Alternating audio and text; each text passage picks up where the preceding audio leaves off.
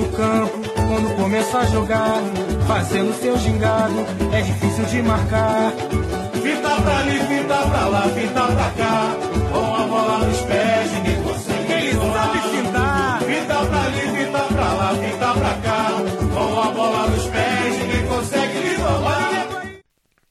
Når tonerne af vores venner fra Flammaster har lyttet, er det tid til endnu en udgave af Brasserbold. Og denne uges udgave er intet mindre end nummer 166 i rækken, siden vi den 17. februar 2016 kastede os ud i af podcast om vores fælles passion, nemlig brasiliansk fodbold. Men hvor langt er vi så nået? Ja, hvis vi selv skal sige det, så er vi nået rigtig langt, men vi er jo slet ikke i mål endnu. Og hvis I tror, det sker i denne her uge, ja, så kan jeg altså godt tro op. For vi har nemlig tanket op med iskold Guaraná og skal runde følgende emner i den brasilianske fodboldfølgetong, der aldrig ender. Landstræner Chiche har udtaget landsholdet forud for de kommende træningskampe mod henholdsvis Peru og Colombia. Vi tager temperaturen på de udvalgte og kommer selvfølgelig ikke udenom Neymar, som alle har en mening om. Når vi så ikke snakker om landsholdet, så er vores øjne rettet mod den turnering, der definerer fodbolden i Sydamerika. Klubfodbolden altså, nemlig Copa Libertadores. Et af opgørende, et af opgørende, som er spillet, var mellem Gremio og Palmeiras. Tilbage i 1995 endte det første opgør mellem de to klubber med en 5-0 afklapsning af grisene fra Palmeiras. Men spørgsmålet er, om kampen fra den gang blev, blev gentaget på Arena Gremio. Den bedste brasilianske række er næsten en podcast i sig selv. Hver eneste runde byder på et overflødighedshorn af nyheder, og I bliver heller ikke snydt i denne her uge. I toppen af ligaen spidser det til. Men hvem trak det længste strå? Var det duksene fra Santos, eller de to udfordrere fra henholdsvis Flamengo og Parmeters? Knudsens kæphest finder vi som sagt også i Rio.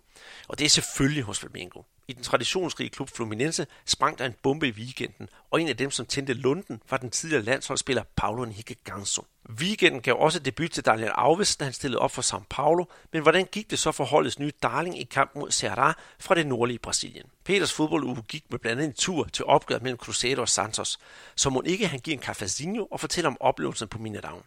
Vi kommer nok heller ikke udenom kampen mellem Fortaleza og Inter, men det er vist en bihistorie. Til sidst slutter vi med at kigge på Serie B, hvor klubberne fattes penge. Men heldigvis runder vi et, et festligt hjørne til sidst, hvor ca. 45.000 var til fodboldfest i junglebyen Manaus. Hold da op, Peter. Det er jo noget af en, øh, en spisesæd, vi skal kigge på i den her brasilianske fodboldfølgetong. Og for øvrigt, velkommen til. Mit navn det er Andreas Knudsen, og som næsten lige nævnte, så sidder Peter Arn nede i Brasilien og har fingeren på pulsen. Og apropos pulsen, Peter, hvordan er den for øjeblikket? For du sidder jo nærmest midt i et, øh, et, et, et, et. Ja, der har jo både været kampe i Belo Horizonte, hvor du bor, og vi sidder jo faktisk og podcaster midt mellem to Copa Libertadores opgør. Der var et i går, og der er et i morgen, eller i nat.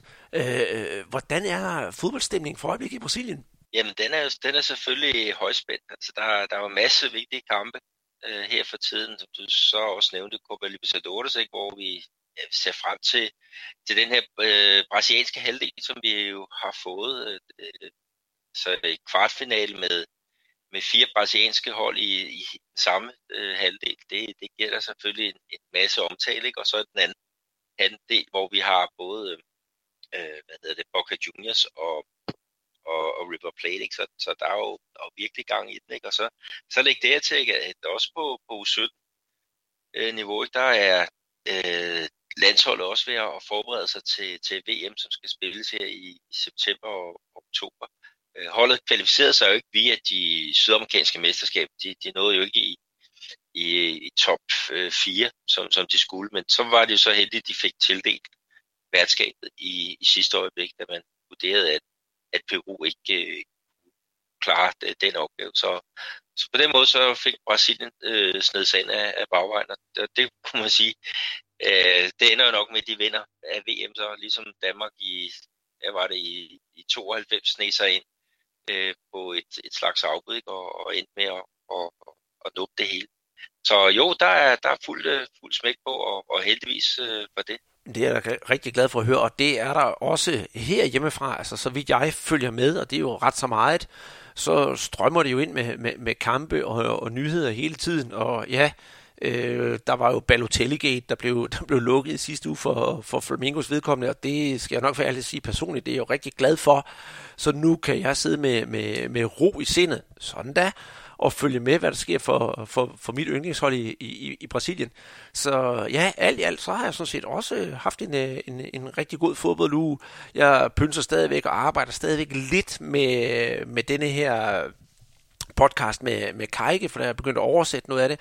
Og så kan jeg jo godt røbe, at øh, det bliver jo ikke med Kajke alene, for jeg kunne også godt tænke mig at høre, hvordan en, en dansk spiller har oplevet at, være, at spille sammen med Kajke, og hvordan den tid den var i OB. Og der har jeg altså fået fat i Rasmus Wirtz, så må ikke han kan komme med en, en god historie eller to om, øh, om Kajke.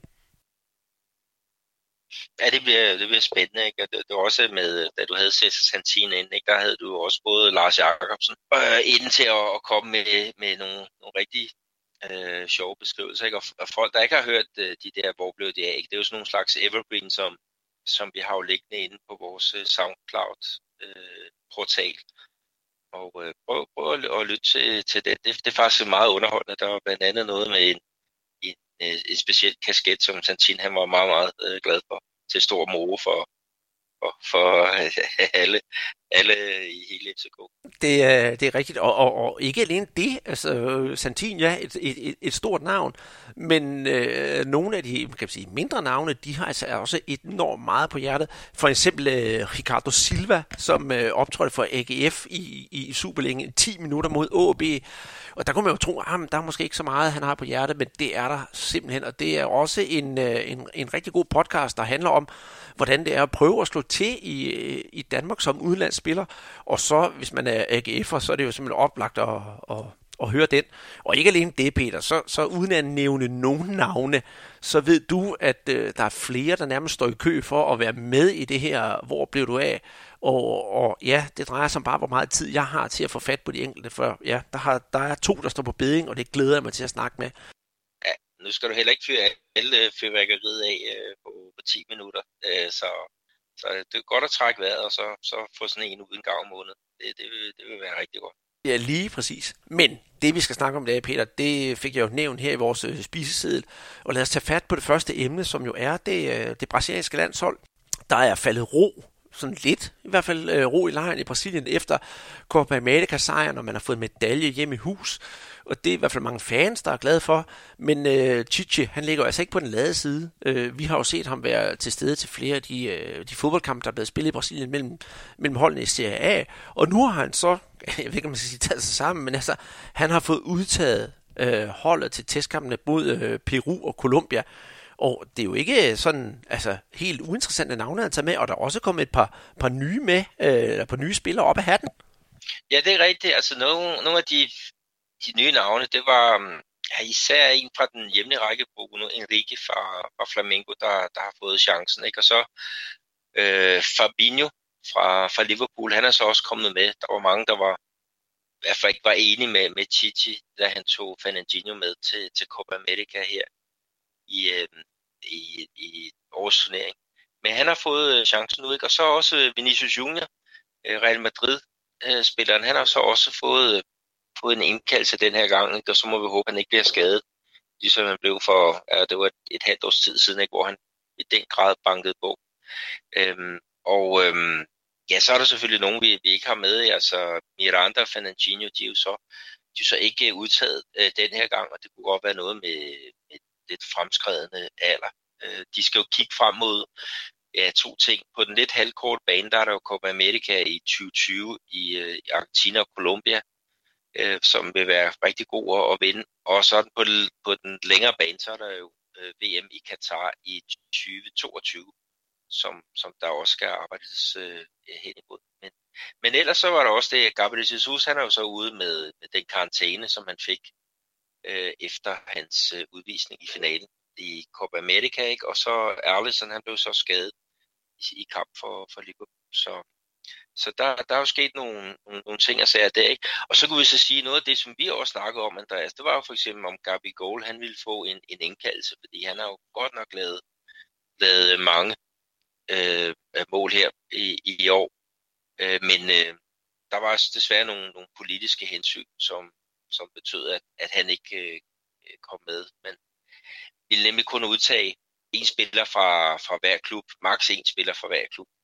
og, og så er der også det andet, der, der er vigtigt. Der er nogle pokalsemifinaler, ikke? og det betyder, at, at Everton Cebolinha fra Grêmio, øh, han ikke øh, er med den her gang, selvom han var fantastisk ved Copa America. Men han øh, har en vigtig kamp for, for Grêmio.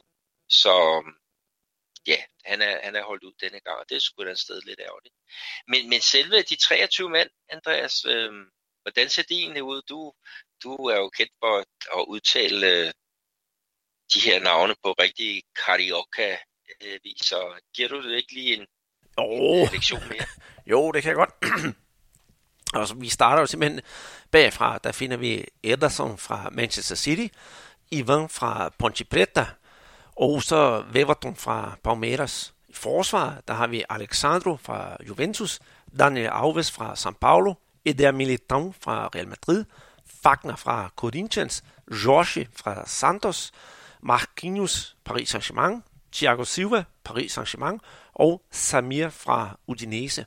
På midtbanen der finder vi Alain fra Napoli, Artur, Barcelona, Casimiro, Real Madrid, Fabinho, Liverpool, Lucas Paquetá fra Milan og Philip Coutinho fra ja, Barca, Bayern. Det kan vi roligt sige.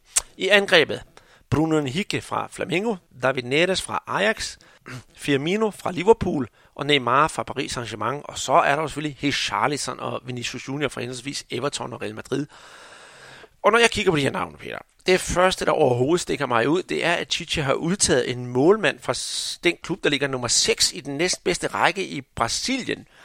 Og øh, Ponte Preta, ja, det er en klub, der sådan er lidt af en jojo-klub. Den er oppe i Serie A, den er oppe i Serie B, og har egentlig nogle pænt gode spillere. Men øh, Ivan, han er fuldstændig gået forbi min radar.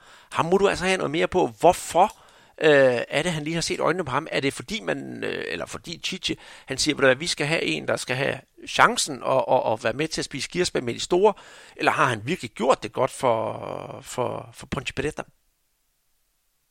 Ja, men han har gjort det rigtig godt for, for klub fra, fra Campinas. Men, men det er øh, den strategi, man, man bruger på, på landsholdet. Altså, der er ingen grund til at tage tre, øh, hvad skal vi kalde det, konkurrencemålmænd med. Altså, man får max brug for, for to, ikke? og det er jo så Ederson og, og Beverton, ikke? hvor Ederson han selvfølgelig er førstevalg. Og så har man så også, det gjorde man også øh, tidligere i, i år, ikke? der gav man så plads til en, en ung talentfuld målmand, der, der netop øh, kommer med og øh, øh, til træningerne og får lov til at sidde på, på bænken og kan snuse en masse erfaring til sig og forhåbentlig tage hjem til egen klub og så fortsætte sin øh, udvikling. Og øh, det er Ivan, det er han et, et, et eksempel på, og det er faktisk noget, som jeg synes er, er rigtig, øh, en rigtig øh, god ting. Så, så det er jo det er derfor, han er, han er kommet med der. Øh, vi havde, ja, sidste år, vi havde blandt andet en, en øh, ung målmand fra, fra Cruzeiro, øh, der nu spiller i, øh, ah, hvad er det, han spiller i italiensk fodbold, øh, jeg tror faktisk, det er øh, ja, jeg kan ikke lige huske, hvor det, hvor det er, han, han, han spiller. Men det er i hvert fald en, en ung fyr, som spillede på U17-landsholdet, ikke? Og, og som nu fik mulighed for at, at, at prøve sig an. Det kan være, at navnet dukker op lidt, lidt, uh, lidt senere. Men, men uh, det, det, er, det er simpelthen ideen. Ikke? Og øh, så med hensyn til, til den resterende truppe, ikke? altså Samir fra, fra Udinese er også et, et spændende øh, nyt øh, bekendtskab. Han kan få sin, sin debut. Ikke? Og så George fra, fra Santos, øh, som, som jeg faktisk var, var inde og se live her i, i weekenden, ikke? hvor at Santos var på besøg øh, her øh, mod, mod Crusado. Øh, og der spillede han ikke venstre bak, som han normalt gør. Øh, han var, han var en lidt, lidt uvendt position. Men det kommer vi ind på, på lidt senere. Men igen, ikke, altså, mm, øh, når vi snakker om, om hvem der hvem der var med og hvem der ikke er med. Altså, der var mange, der egentlig havde regnet med, at, at hverken Neymar eller øh, Philip Coutinho ville få en, en indkaldelse, fordi de ikke har spillet for deres, øh, deres respektive klubber. Øh, øh, nu er der også Coutinho, der er skiftet fra Barcelona til, til Bayern, ikke? og Neymar, som også er på vej væk. Men, men øh, der har Tite altså valgt at sige, at I, I øh, kommer, kommer med i, igen, ikke? og det er jo igen noget, noget kontinuitet, øh, som, som han, han arbejder med. Ikke? Og vi skal jo også lige tage med, ikke? at vi har jo faktisk fået et spørgsmål i forlængelse af det her landshold, ikke? og det er jo øh, Paulo Augusto Kishon fra mm, ja, ham, der har øh, Madrid-magasinet en fantastisk øh, podcast. om, øh, om Kongeklub. Men han har så øh, spurgt om, om nogle ting, ikke? og han har faktisk en meget, meget et, sjov indledende kommentar. Ja, det er, det er rigtigt. Det er, at han, øh, som man skriver det ind på Twitter, øh, spillede fodbold med en håndfuld brasilianere i går. De nævnte, at Neymar er decideret uønsket, skråstrej upopulær i Brasilien, og ikke ønskes på landsholdet. Kunne I også komme ind på Vinicius og Coutinhos fremtid på landsholdet?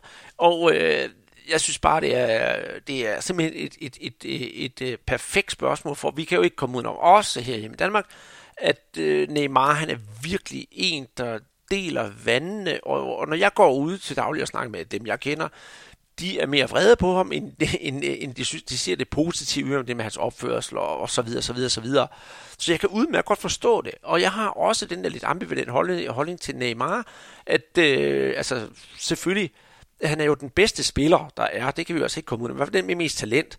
Så selvfølgelig skal han da være med på landsholdet. Men jeg synes også, at han skal være med på landsholdet med de betingelser, man stiller op. Øh, og der synes jeg for eksempel, at øh, for eksempel sådan en som Daniel Alves, han er jo et lysende eksempel på, hvordan øh, jeg synes, at Neymar burde opføre sig. For han kunne jo kigge lidt til ham. Øh, Daniel Alves bling bling, og den får simpelthen ikke for lidt, når han er fri, men lige så snart han træder ind i den, i den, i den gule trøje på landsholdet, så er han en helt anden person, der er dedikeret og, og giver sig 100%.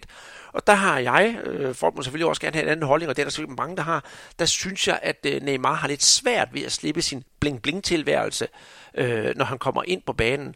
Jeg ved godt, der har været voldtægtssag, bla bla bla bla bla, bla alt muligt, men det, det lader jeg gerne stå til side, fordi hvad der sker i deres privatliv, det, det, jo, selvfølgelig interesserer det mig til en vis grad, men jeg foretrækker at se, hvad der sker på banen. Og der må jeg ærligt selv sige, at nogle gange, der skinner Neymars forkælethed lidt i, i, igennem, så jeg kan udmærke godt for forstå, hvorfor for Paulo Chichon han spørger, som han gør.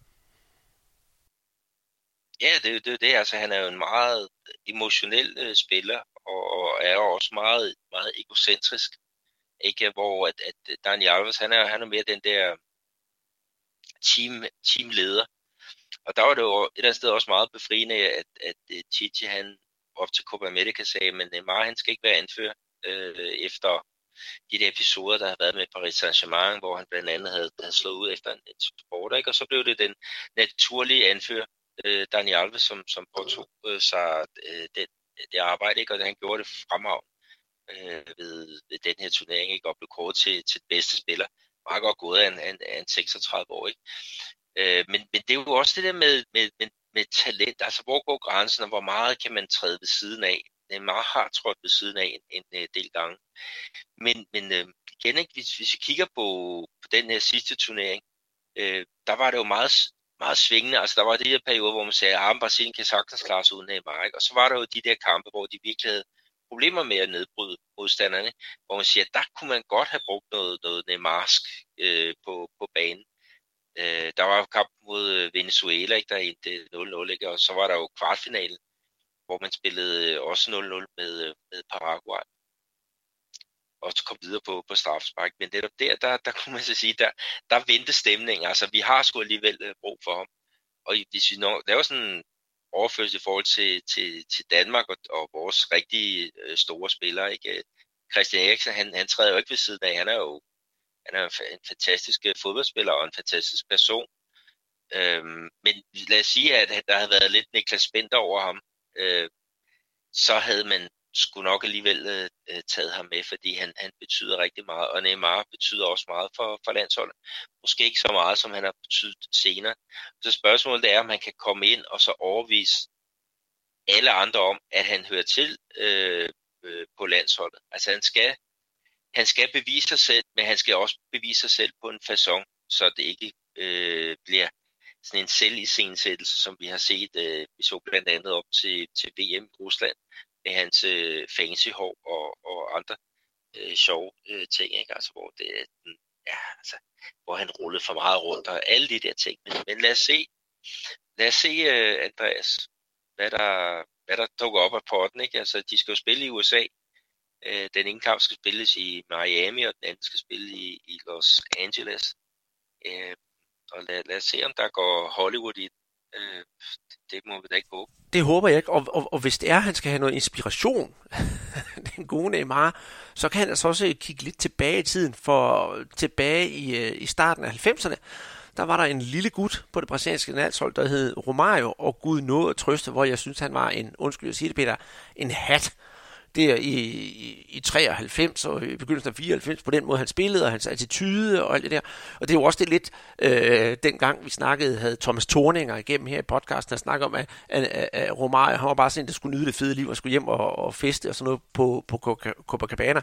Men Øh, øh, Romario, han, det er ikke sådan helt det samme, som han har gjort som, som Neymar, men når det endelig skulle gøre, øh, skulle, skulle være Romario, så slog han jo igennem og var kampafgørende på de rigtige tidspunkter, til, til, og med det helt rigtige.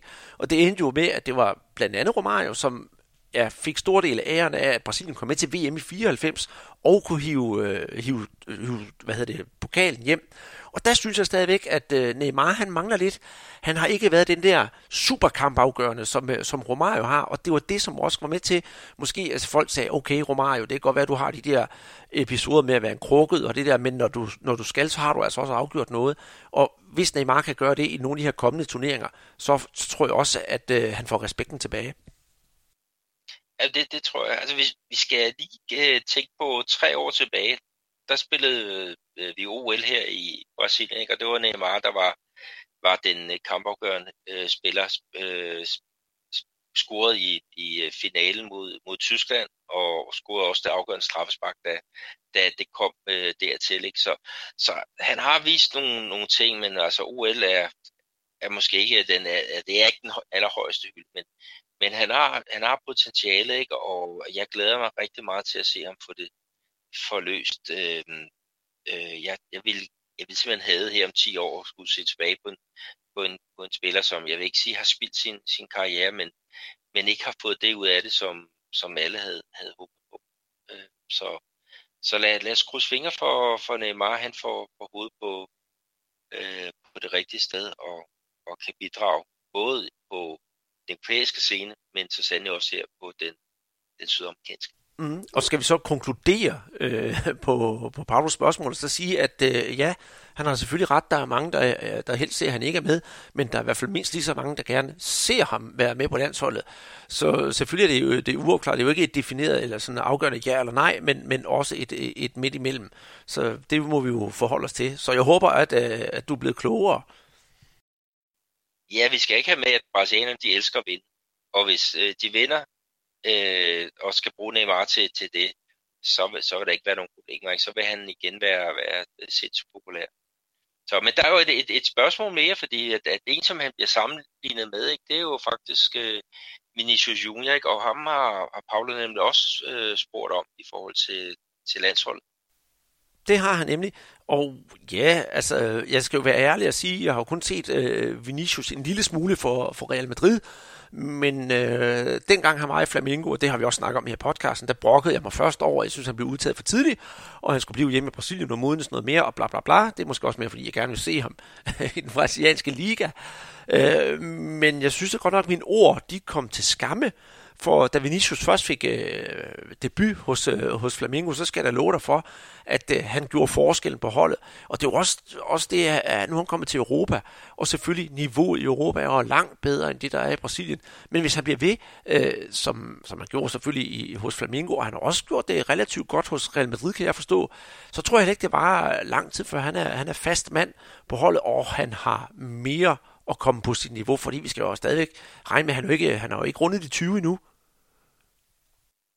Nej, der er masser af gode år i ham, ikke? Og, og netop kantpositionen, det snakkede vi om tidligere, det er måske der, hvor det er allerhårdest at, at få en, en plads på det brasilianske landshold. Ikke? Der var en, en kommentator, der sammenlignede det med at, at komme ind på medicinstudiet øh, i, i São Paulo. Altså det, det, det sagde faktisk, det var lettere at komme ind derind, end det var at, at, at få en plads i, i, som kandegriber i Titis øh, landsholdstrup. Men, men øh, der er helt sindssygt hård konkurrence. Vi har Neymar, vi har Cebolinha, der er David, David Nettes, Der er ja, nu også, hvad det Richarlison, ikke, der, der ligger på, på en af de der øh, kant. Der er øh, øh, Douglas Costa. Der, der, er, der er bare rigtig, rigtig mange. Så, så, så selvfølgelig skal han da være helt oppe i, i gear for at kunne, kunne komme med i det selskab. Ikke? Men som du siger, han er jo en ung spiller, og, og, og hvis vi nu sådan kører sådan et eller andet sådan lidt, lidt fremad, ikke, så er der jo noget OL i, i 2020. øh, hvor han vil være selvskrevet, hvis, hvis han får fri.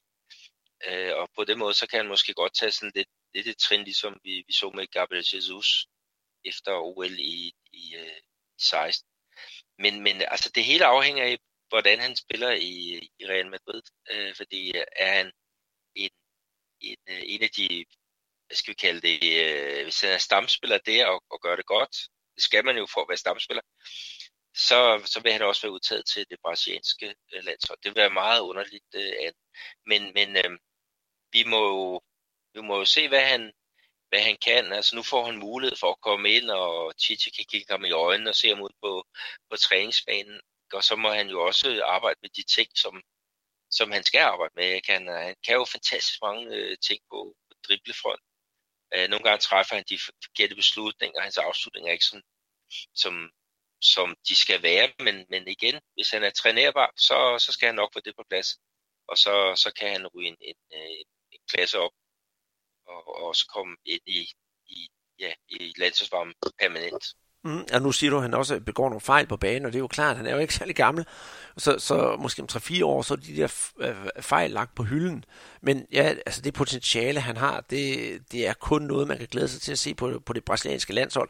Og jeg tror også, han er sådan en, når selvfølgelig vokser man i Real Madrid, tror jeg, ikke nogen tvivl om det, men når man også først trækker i den gule trøje og skal spille for, for det brasilianske landshold, så tror jeg også, at Vinicius han er en, der giver sig 100%. Og det er jo også sådan lidt det samme, vi så til, øh, til Copa America her, Peter, for at komme til næste programpunkt, eller programpunkt, næste person. Det er netop øh, Philip Coutinho. Ja, ja, lidt formkrise i Barcelona, og måske er ikke sådan super på landsholdet, men da han så kommer til Copa America, så kunne han altså godt lige træde det der trin op, og så, og så være med, hvor, hvor, hvor det foregår. For jeg synes faktisk, han gjorde det ganske, ganske udmærket til, til Copa America, og han spillede sig i hvert fald ikke af holdet der. Det kan godt være, at han gjorde det på, gør det på sin klubhold, og nu er han selvfølgelig rykket til Bayern, hvor jeg håber, han skal være et stort hit sammen med Lewandowski i toppen. Men, men, men nej, jeg ser ikke, at han har rykket sig længere væk fra landsholdet af nogen årsager.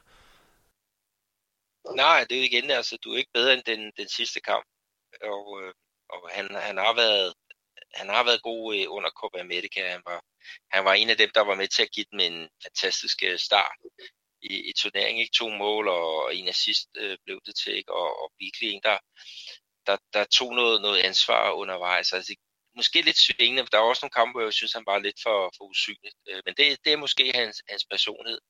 Men, men øh, vi må se, hvordan han klarer det i, øh, i, øh, i tysk fodbold. Øh, det, det, det er i hvert fald et, et, øh, fedt hold, han, han kommer ind på.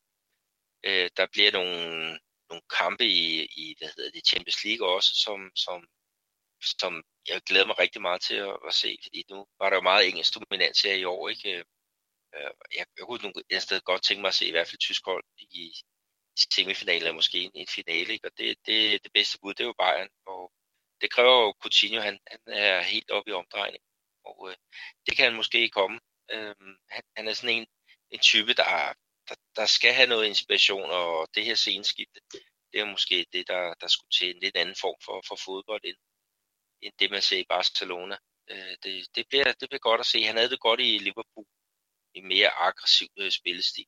Øh, så det, det kan jo være, at, at han får det, det, hvad skal vi kalde det, touch øh, tilbage. Ja. Ja, ja, og så det der med, at han kan til at, skal til at spille sammen med, med sådan en som Lewandowski, altså Lewandowski kæmpe stor profil, men, men, men det, er jo ikke, det er jo ikke Messi, vi har med at gøre, som overstråler alt og alle.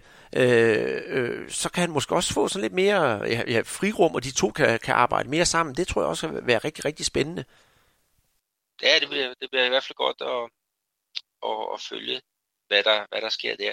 Men øh, jeg håber, at Paolo er, er tilfreds med, med svarene, og I andre, der, der har lyttet med også. Øh, synes, at det har været, været interessant. Og kom endelig med nogle, nogle flere af de her øh, fremragende spørgsmål. Altså, vi tager imod dem med, med kysshånd.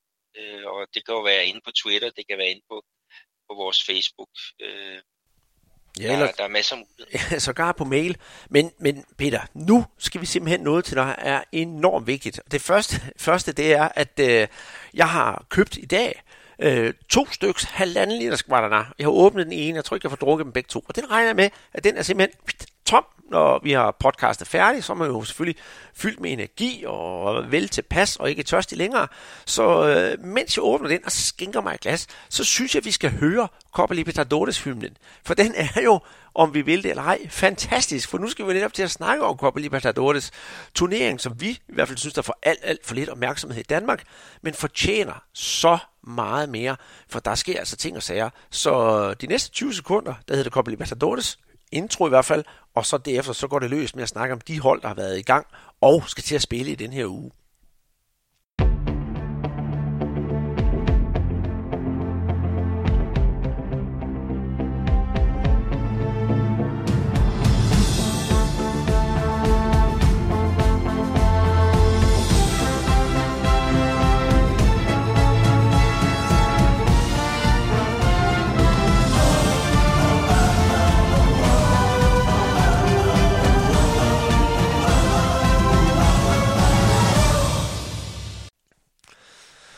Yes, jeg håber, I også derude har fået øh, tanket op, og selvfølgelig gerne i øh, uh, Guadana. Den, købes stadig, den kan stadigvæk købes i halvanden liters udgaven, så øh, det er bare ud og få fat på dem. Nå, ja, Copa Libertadores, øh, eller Copa Bridgestone Libertadores, som den hedder, så har man også fået sponsoren med. Den kører jo på fulde omdrejninger, og vi er jo gået i gang med kvartfinalerne. Øh, puh, jeg ved næsten ikke, hvor vi skal starte henne, Peter. For som sagt, det er jo skudt i gang. Det starter jo her med, med Grêmio Palmeiras, en, øh, en, et ægte brasiliansk opgør mellem to storhold. Øh, og, og, og ja, som jeg sagde i indledningen, øh, de mødtes tilbage i 1995, hvor Grêmio på, på, på hjemmebane lige baskede på Palmeiras 5-0. Men øh, jeg kunne godt tænke mig at vide, om øh, Gremio de havde luret deres 95-hold godt af i kortene og gentog succesen. Ja, det, det gjorde de ikke. Det ville være synd at sige. De havde godt nok på bolden i rigtig øh, meget, øh, meget tid, men øh, de, var, de var slet ikke så farlige som, øh, som Palmeiras, der, der lå og, og dækket af, lukkede ned og kørte på, på kontra. Øh, øh, Gremio, de havde et par, par kvalificerede langskudsforsøg øh, ved øh, Jean øh, Pierre, som, som er ham, der har overtaget rollen efter Luang, øh, der, der blev kåret til bedste spiller i Libertadores i, i, i 17 øh, men som er, er røget ind i et eller andet form motivationsproblem. Øh, han, er, han er slet ikke, hvor han skal være pt. og er, er derfor på bænken. Men øh, det, øh, de var bedre. De var meget mere skarpe. Øh, øh, Palmeiras, sikkert, de har øh, de har simpelthen øh, de tre største chancer i, i kampen. Og det er, det er alle sammen øh, du, som står i afslutterens rolle. Men han mangler lige den sidste præcision øh, der, men øh, så var der heldigvis, der var en anden en, der, der kunne, kunne gøre noget, øh, og det, det, er, det er kampens enlige mål. Den, det faldt jo efter, efter 30 minutter spil, ikke? og det var jo et, et, et frispark, og øh, øh, ja, det er sådan en lille, lille frisparksvariation, ikke, ude fra, fra øh, 20-25 meter, ikke, hvor at øh, Mar- Marcus Rocha, han lige øh, vipper bolden lidt til siden, ikke, og så kommer der jo ellers en, som, som, øh, ja, hvad er det nu, du kalder ham? Scarpa, Scarpa, Gustavo Scarpa, som øh, ja, nu spiller for Palmeiras, men også var en øh, skarpretter, kan vi så roligt sige, da han spillede for, for Fluminense. Han banker altså bolden ind til, til slutresultatet 1-0. Og så, ja, så var den jo, jo nærmest dem. Men jeg synes også, at vi skal nævne øh, sådan plejer, fordi øh, Palmeiras, de har jo, øh, de har jo Felipe Melo på, bag, på, på holdet. Og øh, udover mål, så er vi altid sikre på, at der sker andet. Og det er jo netop, når Philip Melo er på banen, så er man også sikker på, at der kommer et kort af den ene eller anden slags. Og vi kan vist roligt sige, at øh, Philip Melo han øh, bongede fuldt ind, fordi 1, 2, 3, det vil sige to gule er lige på rødt, og så var han ude. Men øh, Philippe Melo, han plejer at være en hård hund, og det var han altså ikke her, da han fik det røde kort. Og øh, hvad var det nemlig, at, der, ligesom, der, der skete med ham? Ja, det var da han, øh, da han fandt ud af, at han fik, ville få sin, sin anden gul kort for, for en stempling.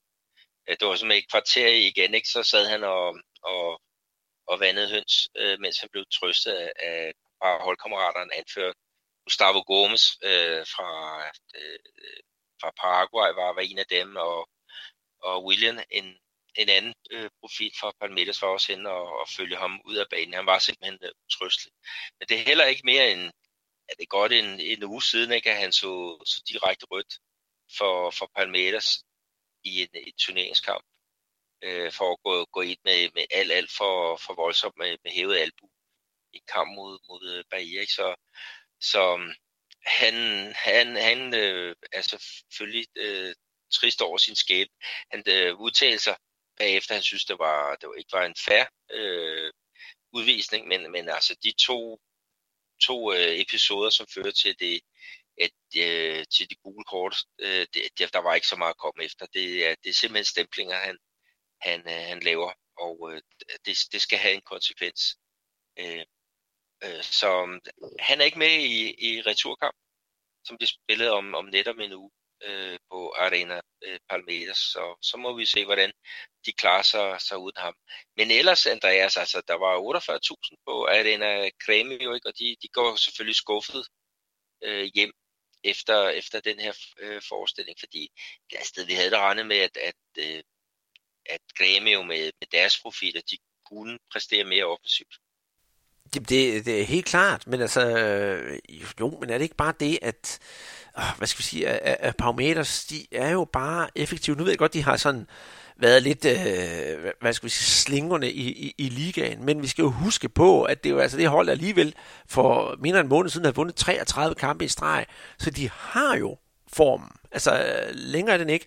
Og selvfølgelig, ja, Cebolinha. Hvorfor kunne vi ikke se mere til ham, når man skal snakke om, om, om, om Gremio?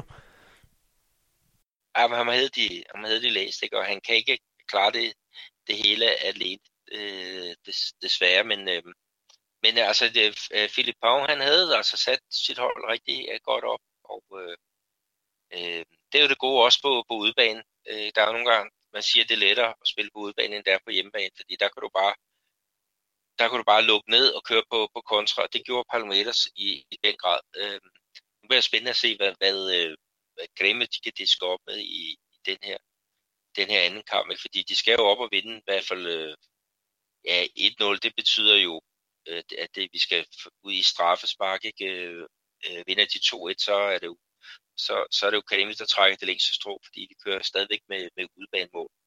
Øh, hvad man hvad man hvad skal vi sige, ikke gør i, i nogle af de andre øh, turneringer. Men øh, det bliver i hvert fald spændende at se, hvad, hvad Renato Gaucho, deres træner, hvad han kan, kan, kan stille op mod øh, Philip her i ja, om en uges tid. Øh, det er jo det er et sted, vi har jo mange store forventninger til, til at øh, Renato han kan lave en, en god offensiv. Det har han altid kunnet med, med det her hold, og det er det mest attraktive hold at se normalt, men øh, det var bare ikke særlig godt i går.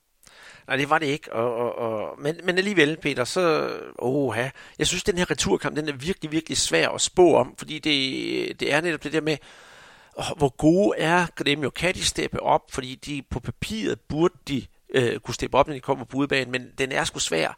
Og selvom øh, Parmeters vil være uden Felipe Melo, så tror jeg altså ikke, de er sådan at, at, at bide sker med på hjemmebane. Så hvis jeg skal se fremadrettet, så, så, uha, så vil jeg sige i hvert fald, at øh, Parmeters de nok er favorit på hjemmebane til at, til i hvert fald ikke øh, at, at vinde stort, men i hvert fald holde den, øh, holde den uafgjort, og så dermed øh, gå videre, så det bliver rigtig, rigtig svært. Ja, de må være store favoritter til at gå i, i semifinalen på den her øh, kamp. Men øh, lad os se, det kan jo være, at, øh, at Cebollini han, han brænder øh, den der Palmeiras højre side af. Ikke? Øh, da de spillede i kvartfinalen, ikke? der var han jo sindssygt dygtig i, i, i returkamp på, på udebane. Ikke? Øh, han får nok lidt mere plads, øh, så, så vi må se, om han kan, kan gøre det øh, godt. Øh, ja, der, der er meget, øh, meget stor ansvar på, på 23-årige Canada skud. Når vi nu har lagt øh, ja, øh, Gremio Parmeters kampen i, i, i graven her indtil videre, så skal vi jo kigge på de næste kampe, der bliver spillet, og der er der altså nogle af dem, der nok er færdigspillet, når I hører den her podcast. Og den, jeg i hvert fald ser mest frem til, det er Flamengo derhjemme på Maracanã, tager imod øh, Internacional fra, fra Porto Alegre.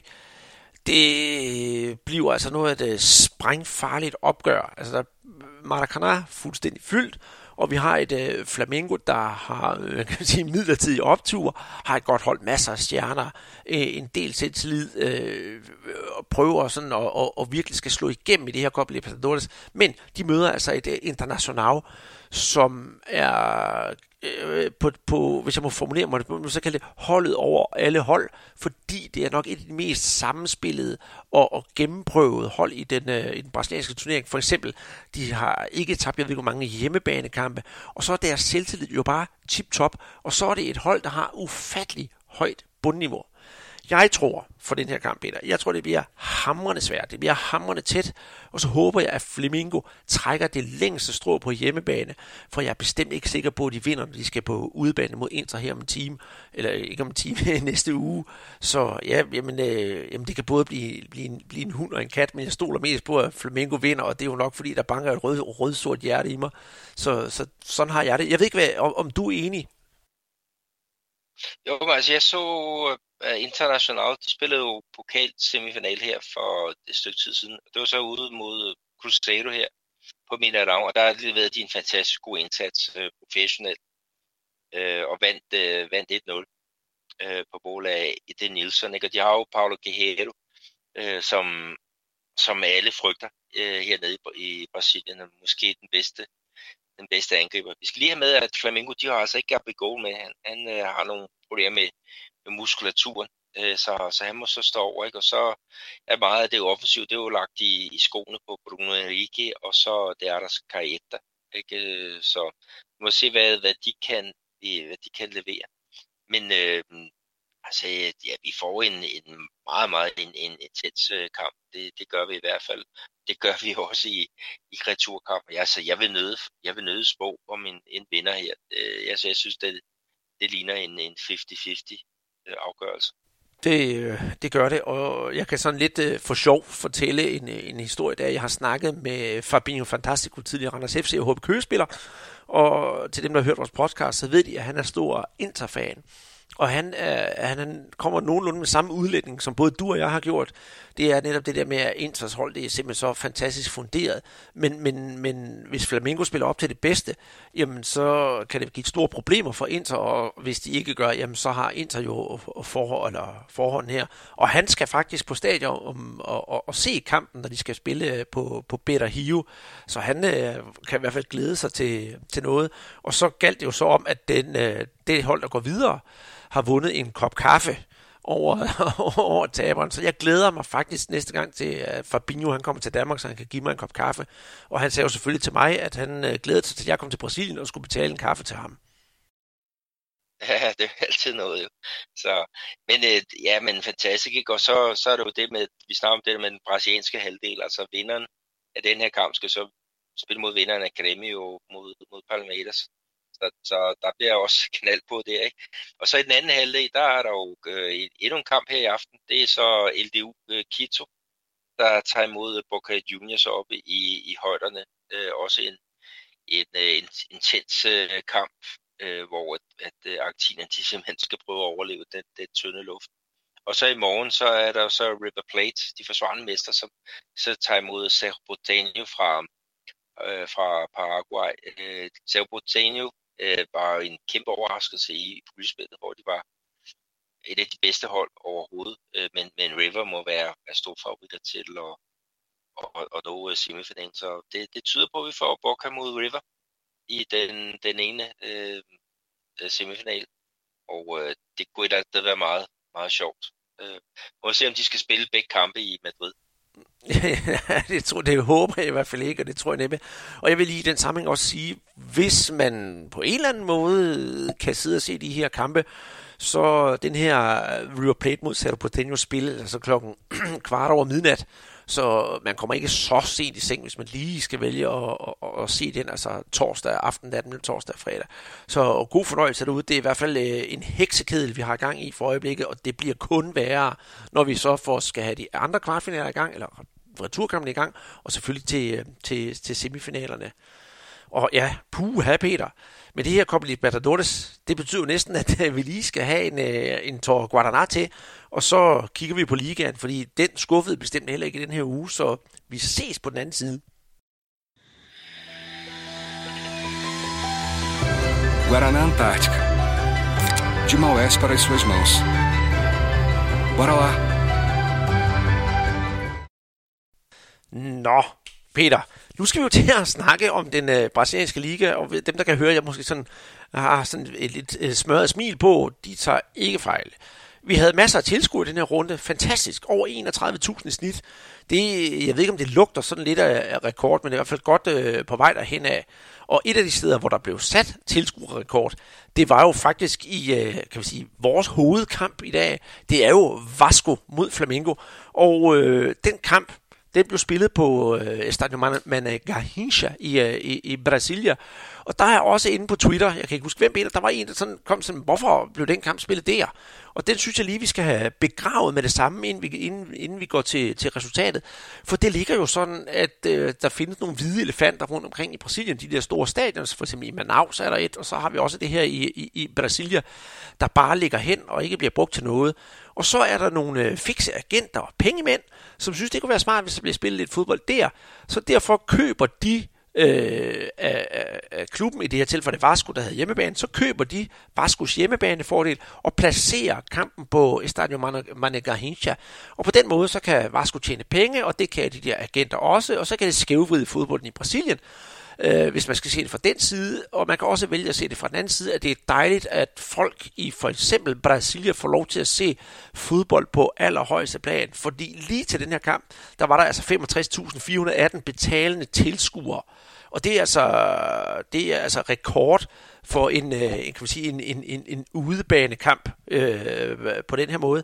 Og den tidligere rekord i, øh, i, i Brasilien i år, det var i kvartfinalen i, øh, i Copa, Copa do Brasil, den pokal, pokalturnering i Brasilien, hvor Flamengo og Atletico, Atletico Paranaense mødte hinanden, og der var 64.844 tilskuere. Det er jo fuldstændig vanvittigt, der kommer så mange mennesker til denne her kamp, Peter.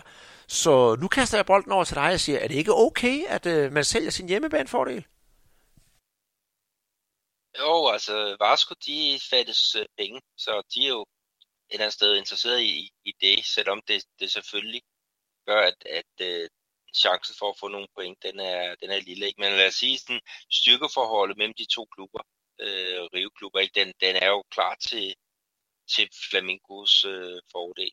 Øh, de har meget mere økonomisk power, og, og det kan man også se på de spillere, som, som Flamengo har, har hentet, ikke? hvor at, at Vasco, at, altså det er jo sådan, altså de, de nye erhverv, som de har hentet ikke med øh, til i år, ikke? altså der er jo der er dog nogle af dem, der, der har lykkedes, øh, øh, som, så det har simpelthen været sådan øh, et, et, øh, Rocky, Rocky Horror Show-agtigt. Øh, ikke? Så, så øh, jo, øh, jeg vil sige, hvis man skal sælge en hjemmebane, så, så er det nok meget godt mod, mod Flamengo, fordi der har man meget lidt sandsynlighed for at, at vinde. Men havde været hvis det havde været mod, hvad skal vi kalde det, nogle af de mindre hold. Øh, så, så ja, det, det er sådan, som, som fodbolden er, og de har øh, fået gang i den deroppe i, Brasilia, ikke? Der var der, der var der vildt øh, smæk på, og det var jo en kamp, som blev beskrevet som simpelthen en, et decideret sindssyg kamp. Øh, jeg, jeg ved heller, jeg har ikke set så noget lignende. Ikke? Og, og det var også en kamp, altså, hvor Flamengo, de, de typisk øh, skulle frem over slæberne, ikke? Og, og Vasco, de kunne, kunne køre lidt på, på en god defensiv, og så, så køre kontra. Men øh, altså, der, der skete jo det, som der, der ikke måtte ske. Ikke? Øh, det skete jo kort før pausen. Det, ja, det gjorde det var, at øh, ja, Flamingo, Flamengo, de, øh, de kommer så i, i, i front. Og så er alt jo dejligt, og det var Bruno Henrique, der scorede på oplæg af Gregorian de Arascaeta.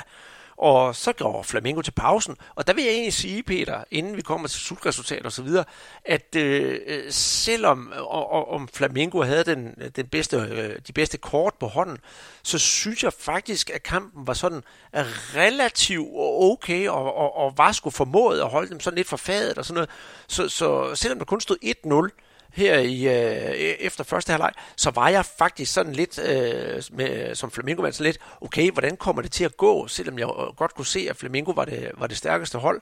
Og øh, ja, jeg fik jo næsten ret, fordi øh, efter 51 øh, minutter, ja, så kommer Flamingo selvfølgelig på 2-0, og øh, så er der lige pludselig, øh, fem minutter efter, der er jo straffespark til Vasco, og jeg sidder og tager mig til hovedet et øh, fuldt fortjent straffespark, ikke noget med det.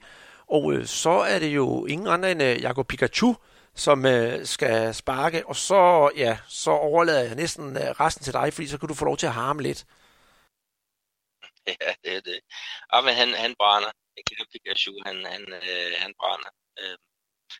Og det var jo det var pokkers ærgerligt, fordi det var det, der skulle til ikke, at komme op på, på, på 1-2. Pikachu han har også forsøgt på, på Stolpen i, i første halvleg efter et, et glimrende øh, kontraangreb, men, øh, men øh, det lykkedes altså ikke øh, lige at, at, at få, overlevet overlistet Alves i den her, øh, den her situation. Men det gjorde det så kort tid efter, fordi at øh, Pikachu han griber bolden og, og tager den ud til hjørnefladet, og så sender han den ind, og så Leandro Castau anfører, han, han hætter den så i mål. Så på den måde, så var der jo lige pludselig noget, noget, noget spænding i, i, i kampen til igen, ikke? Men, øh, men øh, Flamengo, de, de ville det jo anderledes. De ville jo ikke, de lå jo ikke, de ville så øh, simpelthen på at få, få, få, få slået hul igen, ikke? og det gjorde de jo ret kort tid efter. Ja, det gjorde det. det er, og så var det jo Gabriel Barbosa og Gabriel Go, der endnu en gang øh, slår til til 3-1. En retur efter et huset fra øh, Bruno Enrique. Og øh, så løber, løber han ud til øh, og tager, modtager sin hyldest. Og der er nogen, der har sådan en stor papirskilt, hvor der står, Oji, den go, go to Gabi Go. Altså i dag er der mål, mål af øh, Gabi Go. Og det skilt, det tager han og, og holder op. Meget morsomt, synes jeg. Men, men, men holdt det op en kamp. Altså hvis man sad sådan og, og, og, og småsov en lille smule, lad mig sige det på den måde, foran øh, fjernsyn, det bliver jo sendt sent om aftenen, så kan der love dig for, at man, øh, man vågner op, fordi vi havde jo lige pludselig på ja, 11 minutter, der havde vi fået tre mål og et brændt straffespark. Så der blev øjnene åbne, og, og resten af kampen, det var altså også sådan lidt øh, frem og tilbage. Det var dog Flamingo, der, der ligesom havde teten. Og lige pludselig, bum, så er den sgu gal igen. Der er straffespark til Vasco efter 82 minutter, og spændingen den bliver altså ligesom intakt lige pludselig. Øh, ja, endnu en gang, så, så, så kikser øh, Vasco, og på det følgende kontraangreb, så kommer bolden op i, øh, i, i Vascos felt, og så lige pludselig, jeg så det ikke, og lige pludselig var fløjten i gang igen, og så var der straffespark til Flamingo. Og jeg tænkte faktisk, Peter, til at starte med, at det her, det er del med løgn. Man kan ikke lige have et straffespark, og så på efterfølgende sekvens få endnu et straffespark. Men da jeg så den igen langsomt gennem, så må jeg, så må jeg faktisk sige, okay, den, den er sgu god nok. Og øh, der er det altså Gabriel, eller hvad det Gordian, der Arascaeta, der er skarpretter, og sim, hmm, ja, faktisk øh, lukker kampen, og lukker og slukker til kampens resultat 1-4. Og øh, ja, øh, jeg må sige, hold da op et brag det var virkelig øh, øh, en underholdende affære. Og det er lige præcis derfor, at sådan nogle kampe her, at man på godt og ondt elsker brasiliansk fodbold, fordi du må også indrømme, Peter, du var Scarino, det kommer vi ikke udenom. Øh, følte du dig alligevel ikke lidt underholdt resultatet til trods? Jo, jo, men det, det gjorde det, og, og altså det, altså stadigvæk så frustreret over et hold, der går ud og brænder øh, to, to straffesparker, altså det må, det må simpelthen ikke øh, ske. Og så også det sidste, altså målet til øh, det sidste mål til 4-1, det er også en rigtig frustrationsstrafspark. Altså hvor bolden er, er ude den ene side, ikke? og så øh, den ene stopper. Han, han, han skubber en, en flamingo-angriber øh, omkul ind i det lille felt, ikke? altså bag om ryggen på dommeren, men, men, men han havde altså til synligheden øh, sin, sin spejle med, øh, så han havde, han havde fanget som, som korrekt øh, straffespark. Men altså, da, altså, Vasco, har bare ikke et, et, et, øh, et særligt godt hold. Øh, de, de skal klare sig på nogle dyder, der hedder øh, rigtig god organisering, øh, sat i gang af deres træner, øh, det legendariske Vandalé Luxemburgo. Og så må de bare ikke lave fejl. Øh, og det gjorde de her, og det blev, det blev straffet. Mm. Øh, så ja, jeg, jeg har ikke noget at komme efter det, det var fortjent, og jeg kan, jeg kan et eller andet sted, når det nu skulle være, så kan jeg sagtens leve, leve med, med et nederlag her, men øh, men øh, der, der skal jo selvfølgelig point på, på kontoen for at komme fri af, af nedrykningsstregen. Og øh, at det kom der ikke mod Flamengo. Det var jo også med i min kalkyl i hvert. Mm. Og det, øh, men jeg tænker også på, på, på Vasco for eksempel her. Du, nu ved jeg godt, at uh, defensiven, det er Vascos dyder efter Luxemburg og kommet til, det snakkede vi om i sidste podcast. Men også, at, at deres, deres offensiv, den virker sådan lidt for svag. Uh, kun Thales Magno på toppen, det er altså for lidt uh, angrebs, uh, angrebspotentiale, når man spiller mod sådan et uh, hold som Flamengo, hvis defensiv faktisk er blevet meget, meget bedre inden for de sidste halve år. Ja, der var også, altså der var faktisk tale om, de ikke måtte overhovedet have med. Den, øh, den her unge knægt, han er jo med på det brasilianske sødlandshold. Og de var, de spillede et par testkampe mod Chile, men uh, i sidste øjeblik fik han så, så fri. Ikke? De har et, et andet stort talent, øh, Maroni, som, som blev udvist i den sidste kamp uh, i, ja, i overtiden, hvor han uh, igen, altså hvor han laver noget, noget helt dumt. Og han er faktisk en, en vigtig brik i der, deres offensiv. Uh, øh, den her, øh, den her øh, Mahoney.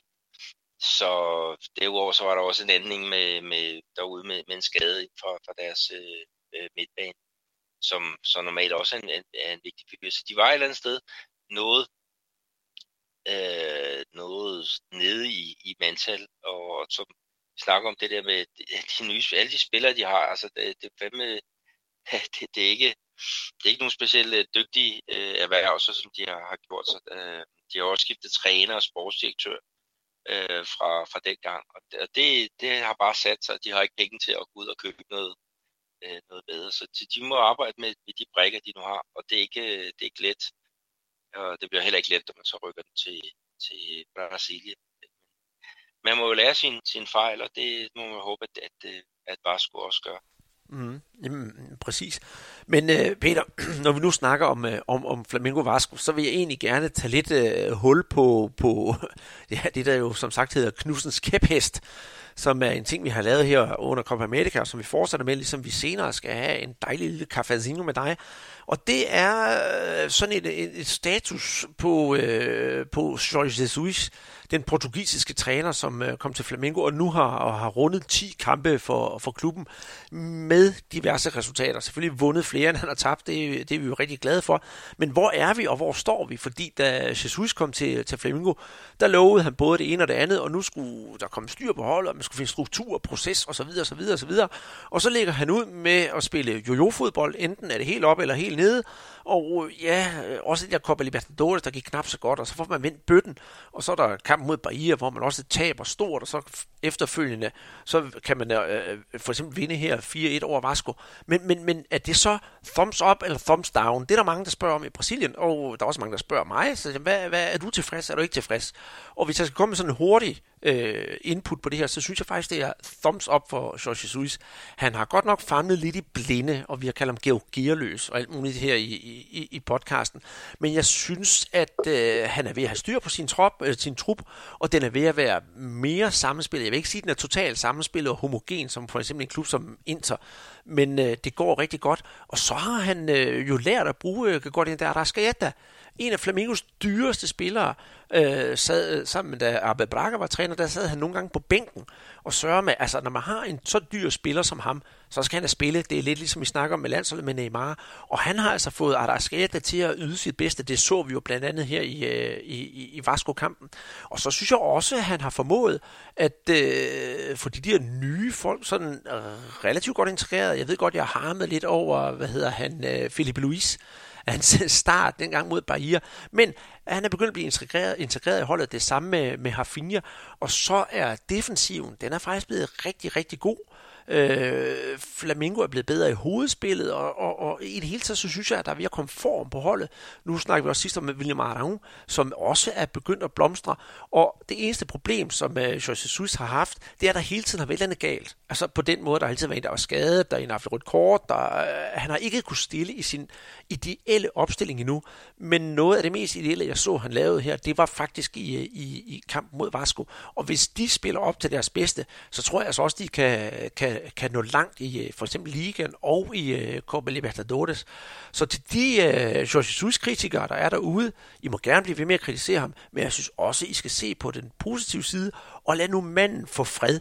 Øh, vi finder Flamengo her som nuværende, den nuværende situation inden for de næste 20 dage der finder vi de mest definerende kampe i hele sæsonen. Vi har de to Copa Libertadores kampe, og så har vi altså også en kamp mod både Santos og Palmeiras. Hvis vi kommer, nu siger vi, det her Flamengo hvis Flamengo kommer godt over de her fire kampe, så tror jeg, at Jorge Jesus han er sikret som træner resten af året, og i det hele taget, så kan vi finde det Flamengo, vi skal kigge fremadrettet mod. Det store skib, som det er i brasiliansk fodbold, det er altså ved at sætte sejl, og så lad os håbe, det kommer i et rigtigt havn. Så ja, dermed Knudsens kæphest, og jeg håber, at I derude også er blevet lidt klogere på Flamingo og hvad vej det blæser i klubben. Jeg vil lige også tage med, Andreas, at, at det er ikke let at komme til, til brasiliansk fodbold, som er, der er mere fart over, øh, fart over feltet.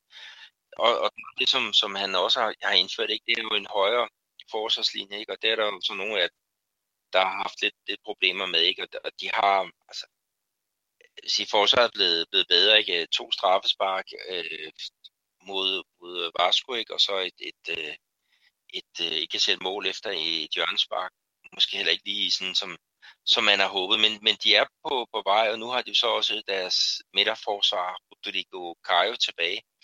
Han har været, været skadet en periode, ikke? og han har jo så også selvfølgelig været, været savnet, plus at de har solgt en af deres øh, midterforsvar til, øh, til, øh, til Milan. Så, så der, igen, ikke, det, det, det der med, at det, det, der bliver hele tiden roteret rundt.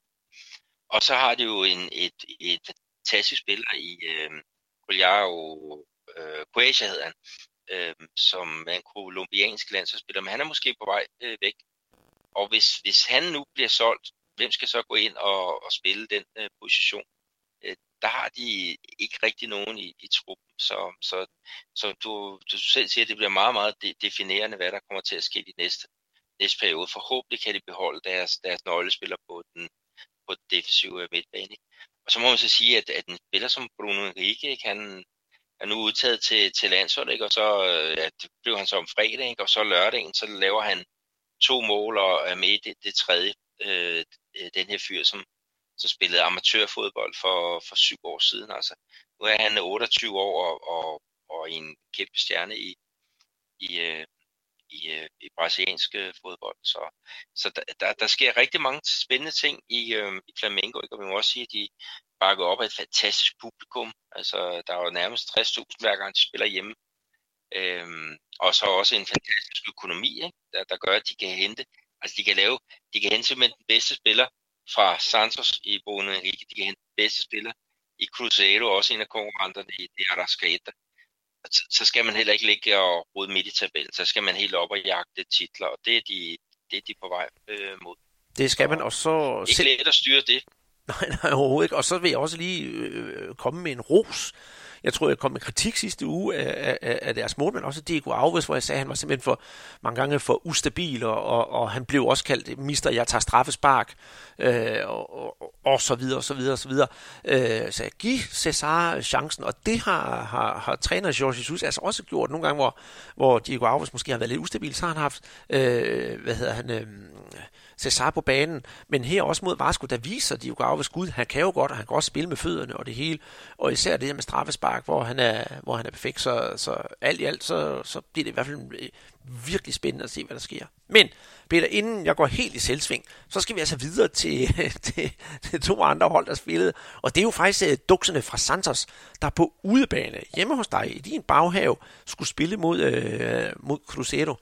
Øh, jeg så kampen, øh, og det gjorde du også. Øh, vi så den øh, hver sit sted. Jeg så den hjemme i min stue, du så den jo på stadion. Og øh, da jeg havde siddet og set den her kamp, som øh, ender 2-0 til, øh, til, til, til Cruzeiro, så tænkte jeg, hold da op, Thiago Neves, jamen, øh, hvordan kan den mand blive ved med at præstere og præstere og præstere? Øh, man of the match, Cruzeiros profil, og, og han var ligesom ham, der var, altså han var centrum i den her kamp. Jeg synes, han virkelig strålede ud over det sædvanlige at han er en, en rigtig dygtig øh, spiller. Ikke? Han var rigtig dygtig i Fluminense, da han var der øh, for nogle år tilbage, og de spillede jo finale i, i Copa Libertadores, som de så tabte over to kampe til El Quito, men en, en fantastisk dygtig spiller, offensiv, øh, sådan venstrebenet, som, som også slakker lidt ud i, i, i siderne, og som, som både kan afslutte og, og har øjet for, for den, der, den der afgørende aflevering. Øhm, men, men den her kamp, altså jeg, jeg var jo taget ind også til, til, til den her match, med, jeg glæder mig rigtig til at se uh, Santos under Sampaoli. Øhm, jeg glæder mig rigtig meget til at se øh, øh, uh, uh, Crusaders nye træner, Jose Luceni, uh, som, som jo har, uh, er hentet i, i Fortaleza. Altså, San Paulo, målmandslegenden, ikke? Flest scorede mål uh, overhovedet. Uh, flest uh, sejre for, for et klubhold også øh, i hans mange, mange år øh, for, for São Paulo. Ikke? Og, Øh, han var så blevet hentet til efter, at Manu Menezes, som der ellers har vundet fire titler med klubben i de sidste tre år, øh, ligesom de kørte træt, og de lå og, og rode i, ja, under nedrykningsstregen, og var slået ud af Copa Libertadores. Så, så skulle der jo nye boller på suppen, og det blev Rosado Sene. Og han fik jo en, en, øh, en rigtig øh, god start. Altså han fik også noget medvind, fordi øh, inden der var spillet et minut, så øh, så, så øh, Santos i, simpelthen i direkte rødt kort øh, for en episode, hvor at øh, Pedro Rocha han var ved at, at bryde igennem, og, og Gustavo Henrique, deres øh, Santos stopper, han brød med en glidende takling, og så også ud til at, at ramme bolden, øh, og dommeren øh, sagde fortsæt, og det hele, men så kom bare ind over, og det, det betød direkte rødt kort. Og i det øjeblik, at det skete, at de blev reduceret til 10 mand, så så jeg Rosario Zeni, fordi ude på bænken, der havde han nemlig øh, farlig Fred, øh, deres øh, centerangriber. Øhm, og han sagde til dig, nu skal om, jeg ved ikke, om 20 minutter eller sådan noget, så skal du altså ind, og, fordi vi, vi, vi, vi ændrer vores øh, formation. Ikke? Og det, det, det gjorde han så. Og det gav brugt øh, kort før, før halvleg, hvor at, øh, at øh, Fred, Fred han kommer fri øh, ind i feltet, og så hammer han i der lange hjørne. Ikke? Og han har ikke scoret, jeg tror det var sindssygt mange kampe i, i, i træk. Øh, jeg, har ikke lige det eksakte tal, men det var rigtig mange. Kæmpe, kæmpe forløsning. Og det gjorde så også, at, at, øh, at, at øh, da Santos kommer ud til, til anden halvleg, så skal de jo også prøve nogle ting og sager. Og øh, det, der, der, der fik øh, Cruzeiro lukkede den ret hurtigt der, ikke? netop ved et mål af, af Thiago Neves, ikke? hvor det er øh, Fred, der, der ligger den som ja, lægger den an til ham, så at sige. Han ligger jo inde i, på kanten af feltet, og så spiller den tilbage, og så kommer Thiago Neves og bang, så står den altså 2-0, og så er det sgu svært at spille 10 mod Det er det, og hvis man kigger på statistikken bagefter, så, så står den altså også 23 afslutninger til, til Cruzeros fordel. Øh, det jeg tænkte på efter kampen, og det ved jeg godt, det skal jeg ikke, det er det der med, øh, øh, hvor, hvor, hvor, hvor langt er San Paoli så reelt set nået med, øh, med, med Santos, fordi Øh, ja, øh, Santos taber jo et par kampe her, men det er, jo, det er jo til de store hold, de har tabt. Og de små hold, som de bare har vundet over relativt stort, øh, det er jo gået meget nemt. Øh, og så tænker man, ah, men kan, vi, kan Santos egentlig formå at steppe op mod de store? Og det har gået tykket lidt på den. Først så tænker jeg, nej, det kan det ikke. Så tykke lidt på den, og tænker, men det tror jeg egentlig godt, de kan.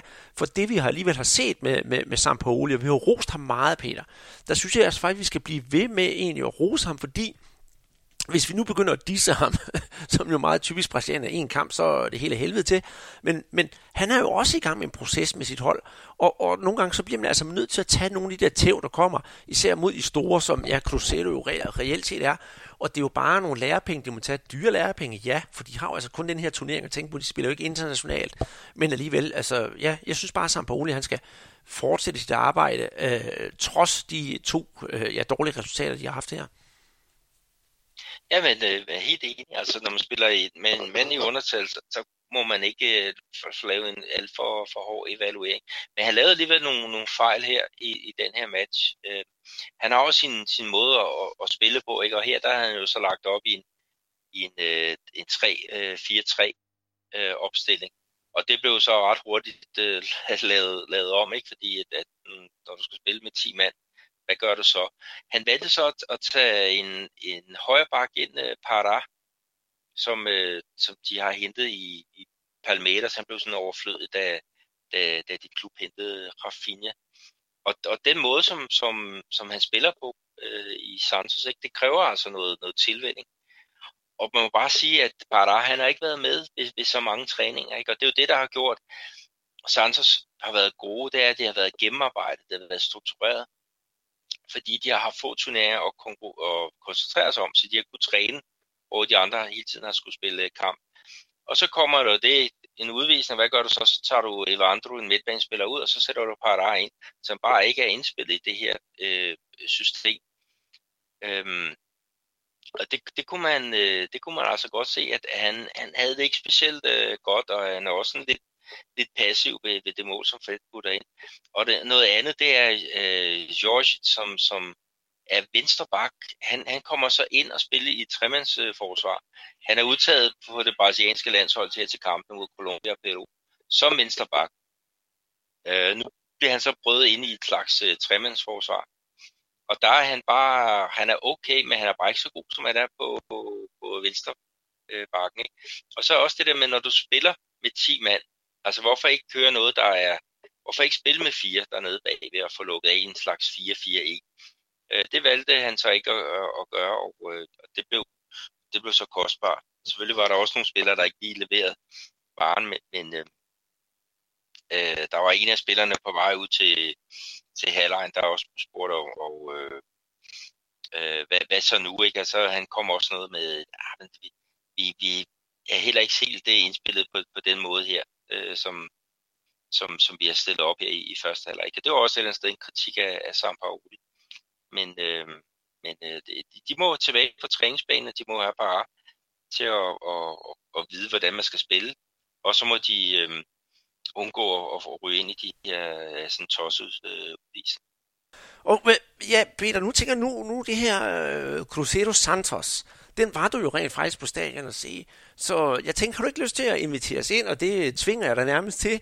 Jeg sætter kaffen over og serverer den, og så kan det være dig, der byder på en lille cafezinho med Peter Arnholdt. Jo, jo, og, og masser af, af sukker. Jeg vil, jeg vil så sige, at den her kamp mellem Santos og, og øh, Cruzeiro. Øh, jeg, jeg så den ikke øh, helt til, til ende, fordi det, bagud 2-0 og sådan noget der, der var ikke så meget liv i det, men jeg var jo så op, øh, og jeg, jeg valgte simpelthen at, at se kampen sammen med, øh, med øh, Santos-supporterne. Øh, øh, og det var jo, altså det er jo altid spændende, det der med, når der kommer nogle andre hold på besøg, og, og så lige gå over på den anden side af gader og snakke lidt med dem. Og de var faktisk rigtig begejstrede også for det arbejde, som, som, som Paoli han har lavet i, i Santos. Ikke? Altså, det er en klub, som ikke har lavet nogle, nogle, nogle sindssygt store indkøb. Øh, de har derimod øh, solgt øh, nogle profiler i løbet af, af den tid sammen på Ole. Hvad der alligevel har det lykkedes for mig at, at til, til, til tops. Men øh, jeg så blandt andet øh, en Pelé, en trøje med, med nummer 10, øh, på ryggen deroppe, i gang med at, at spise sådan en, en, øh, en, øh, en Minedo-ret. Øh, øh, det er jo således på, på alle, alle stadier. Du kan altid få en hotdog, og du kan altid få en, en pizza. Øh, men her der er noget, der hedder tropero, og det er sådan et, en risret med øh, nogle skinkestykker og sådan lidt andet øh, sjove ting i. Og så er der sådan en, en, en kotelet, der var med der. Men han var i gang med at knaske sig igennem sådan en der. Og så kommer jeg så til at tænke på også med, med det hold med, med Pelé. Og når du snakker med, med folk, i hvert fald fra Cusado, så kan de huske en speciel kamp mellem de to mandskaber. Eller to kampe er det faktisk. Vi skal tilbage til 1966, hvor de to hold de mødtes på, på Minerang. Og øh, det var altså et hold, øh, som ja, var måske det bedste i hele verden. Øh, de har vundet Copa Libertadores jeg tror det er 62 og, 63, øh, de har vundet VM for, for klubhold også i den der periode, og de havde jo bare et stjernehold, hvor Pelé han var den, den øh, over dem alle sammen. Og så skulle de spille en, øh, hvad det, to finalkampe med øh, øh, Cruzeiro, og, øh, og Cruzeiro de havde altså også et fantastisk øh, hold. Så øh, spillere, eller folk, der kan huske tilbage fra, fra VM i 1970, en angriber, der hed Tostan, altså øh, det, den lille mønt, øh, som, som Tostan be, betyder. Ikke? De havde øh, øh Piazza, øh, en stopper også på det hold. De havde en fantastisk playmaker i øh, Diceo Lopez. Øh, og, og der er altså et, et stadion her med 90.000 øh, mennesker, der bare ser den her kamp. De skal se Cruzeiro mod verdens bedste hold og det ender simpelthen med, at Cruzeiro de vinder, hold fast, Tennessee fra 6-2. Det er altså, kæmpe, kæmpe eufori. Og så kommer der så returkamp, der skal spilles øh, i, i selve øh, St. Paulo på Park Kembu. Og der regnede med, om der, der, der øh, den, Santos de kommer til at i den grad at være revancheløst og kommer til at vinde den her kamp. Det gjorde de ikke. Cruzeiro de lykkedes altså på fremmedgræs og så vinde den her øh, kamp øh, 3-2 en fantastisk præstation, og det ender så med, at, at, øh, at øh, Cruzeiro de vinder det der Taça Brasil i 1966. Og der var nogle, nogle personer på Twitter, der snakkede om, hvorfor et mesterskab kunne du aller, allerbedst tænk, have tænkt dig at, at, at, at have set? Altså, jeg har lidt med Vasco i 2000, øh, da de vinder det brasilianske mesterskab. Men hold fast, de her to kampe, 1966, med sådan en formation, det gad jeg altså godt. Og hvis man lige kunne spole tid tilbage. Jeg var fire år på på det tidspunkt, og havde ikke lov til at, at gå hjemmefra øh, alene, og slet ikke til Brasilien. Men, øh, men er du sindssygt, de mennesker, der har været der, de, de har fået en kæmpe, kæmpe oplevelse. I, ja, og, og, og, og jeg vil lige supplere din historie lidt, Peter, så sige, den første kamp her, øh, den her 6-2-kamp, du snakker om, snakker om øh, Cruzeiro ikke alene til 6-2, men det er jo lige ved, de vinder 7-2, hvis man skal sige det på den måde, fordi Pelé, han får så også et rødt kort, bliver udvist. Og det er jo meget, meget sjældent, at Palahan fik, fik røde kort. Så i det hele taget også det har været en oplevelse selv, og jeg tror virkelig, at de der øh, Cruzeiro-fans for dengang, måske også ud udover at blive scoret de mål selvfølgelig, men er gået helt øh, op, i, op i den syvende himmel for at se Palas øh, udvisning. Og så vil jeg lige også i en anden sammenhæng sige, nu du siger, du godt kunne tænke at se Vascos titel i år 2000, så siger jeg, hvis jeg har noget, jeg godt kunne tænke mig at se, så skulle det være Flamingos, øh, hvad hedder det, øh, sejr i det brasilianske mesterskab i 1992. Og jeg vil sige det på den måde, det vil jeg gerne gense, for jeg var rent faktisk ind og se kampen.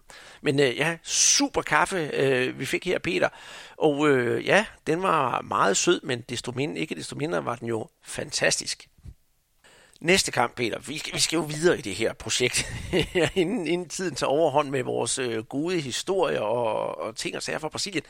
Vi skal jo tilbage til, til den første, til den bedste række, og øh, den kamp, som øh, også fik meget, meget fokus, nemlig São Paulo mod Ceará. Og det er altså hjemmeholdet São Paulo, der vinder 1-0 over, over Ceará. Ikke så meget, øh, så meget i det. Og øh, vi havde nok også bare forbigået kampen sådan i stillhed, hvis ikke det var for en helt speciel person. Fordi det var jo debut til Daniel Alves. Og øh, jamen, øh, der har været meget snak om, hvor han skulle spille henne på banen. Skal det være den der rolle, som han har, han har for, for Barcelona eller for, på landsholdet? Men i det her tilfælde i dag, der er han altså ind på den offensive midtbane. Og det synes jeg egentlig klæder ham meget godt, fordi han spiller jo med nummer 10. Og øh, offensiv midtbane, jeps, det er jo, det, det er jo lige ham. Øh, til gengæld så var Juan Fran, eller ikke til gengæld, men øh, Juan Fran, han røg ned på, på højre bak. Men alligevel, Øh, 1-0-målet, det var både Juan Fran og Daniel Alves, som var involveret, plus to spillere fra Sierra, der ikke kan finde ud af at stå på deres ben. Øh, jamen, øh, var det ikke bare lige som det skulle være lige efter bogen for både Juan Fran, øh, Daniel Alves og for São Paulo? Og det var, det var en rigtig øh, god debut øh, for, for Dani Alves, også for Jean Franik, og man skal tænke på, at de har jo ikke spillet i rigtig lang tid. Altså, Spanien, han har jo ikke spillet siden, jeg tror, maj måned, den 18. maj, og, og sidste kamp, øh, Dani Alves spillede, det var, jeg tror, den 7. juli, da de, de spiller Copa America-finalen øh, mod, øh, mod Peru. Øh, så, så selvfølgelig var der lidt, lidt, øh, lidt rust øh, på det, men øh, men altså, skal vi kalde det en, måske en lidt svingende indsats for, for øh, São Paulo, og det var også et sted forventeligt med, med to nye i, i, i startopstillingen, og Kuka han havde jo også byttet lidt om på nogle, nogle positioner, øh, så, så det, et andet sted så havde, fik de ikke den helt store forløsning på banen, men de fik resultatet, ikke? Og, og Daniel Alves han blev kåret til man of the match, og, og så blev han så matchvinder på, på det mål, der faldt efter, efter 29 minutter. Men der er faktisk en episode i, øh, i anden halvleg, hvor at, øh, at øh, uh, San Paulos målmand, øh, Volpi, det ser ud som om han, han begår straffespark. Altså jeg, jeg havde dømt straffespark der. Det er sådan en, en bold, der ryger høj bold ind i feltet, hvor han så løber frem, og, og til syden kikser boldens, øh, kikser bolden, men rammer så en Serra griber som falder til jorden, men, men dommer han siger, at det er tilfældigt sammenstød, og der var heller ikke noget, noget øh, hjælp at hente fra, fra VAR, selvom der er noget, noget kommunikation. Men altså, som, som øh, gæsternes træner, øh, Anderson Moheda, han sagde, at altså, øh, de vil nok ikke ødelægge en, en god fest, øh, og øh, festen var blevet afsted sted lidt bedre for de der 47.000 øh, tilskuere, der, der var, ikke? Når, når deres hjemmehold, øh, deres, fa- deres favoritter, de vandt med, med 1-0, og så med, med den, den nye store stjerne i en, i en helt øh, central rolle. Jamen ja, øh, selvfølgelig. Altså, og tre point, det er jo tre point, så det skal man ikke rigtig, øh, ikke rigtig brokse over. Så ja, jeg glæder mig faktisk til at se de, de fremadrettet, hvordan São Paulo de kommer til at, til at bruge Daniel Alves, også for den, skal, for den sags skyld Juan Fran. Så, og jeg tror bestemt, altså 48.000 på, på Modomi, øh, det, det, det lugter bare af, at de bliver ved med at trække masser af tilhængere på deres, øh, til deres hjemmebanekampe, alene bare på grund af navnet Daniel Alves. Ja, det, det, det er en kæmpe profil, som man, man har fået. Man snakker om den største øh, kontrakt øh, i de sidste 10 år i, i brasiliansk øh, fodbold. Så jo, jo, det er en, det er en rigtig øh, billetsælger, ikke? Og, og vi snakker om Daniel Alves med hans, hvad er det, 40 mesterskaber, titler, ikke, som han har hentet gennem sin karriere. Og nu ved jeg ikke, om man skal snakke om, om nummer 41 også, men, men øh, de ligger nummer 5 i, i tabellen. Ikke? Øh, de har 5 point op til, til førstepladsen, men en kamp i, i hånden. Øhm, så ja, de skal faktisk spille i aften mod Atletico Paranaense. Vinder de den, så er der lige pludselig kun øh, to point op, og, og øh, så kan det blive, blive rigtig øh, sjovt. Men, øh, men her der havde de altså lige de der berømte marginaler øh, med sig, men, øh, men øh, det, det bliver spændende at selvfølgelig det her holdet rettet. Og noget af det, man snakker også meget om, det er det der rolle, som Daniel Alves han har.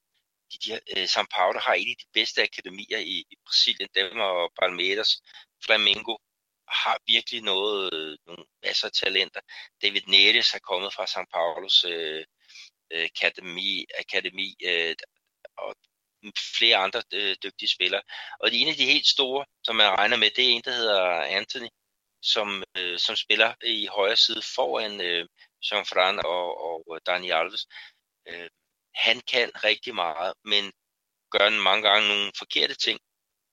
En rådgivning fra Dani Alves, det kan virkelig få ham til at, at, at, at, at stige gevaldigt i, i graderne. Ikke? Og de har flere unge spillere på, ja, også på bænken.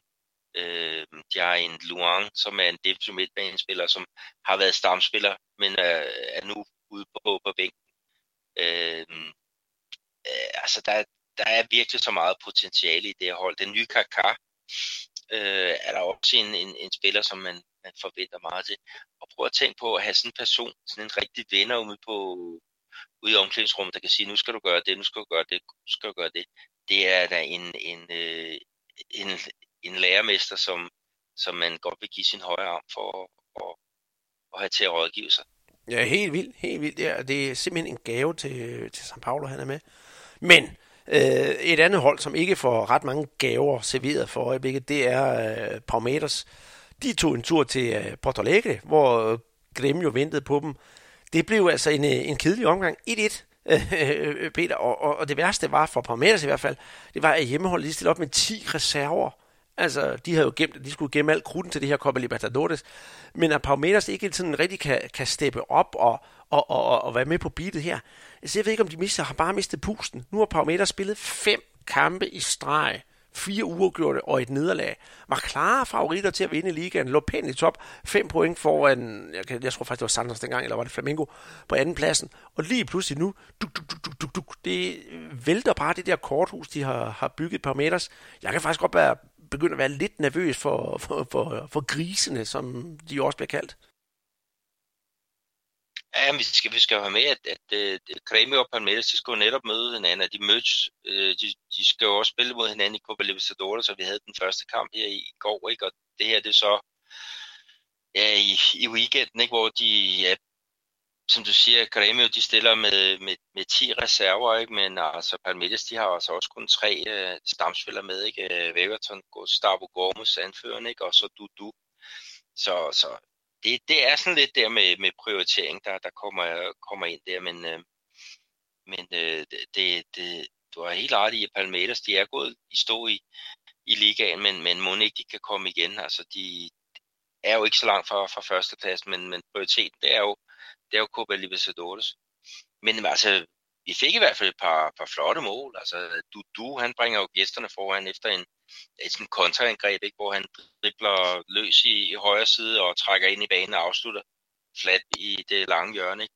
Og så David de Bras, som, som udligner på et langskud fra, fra 20 meter. Altså, det var da, det var da i hvert fald to scoringer, som var, var, var pengene værd, selvom om det var selvfølgelig mest reserverne, der, som, som kom i, i spil. Ikke? Men, men øh, Palmeiras' bænk er, er rigtig øh, god, ikke? og Kremes er jo heller ikke helt øh, tosset.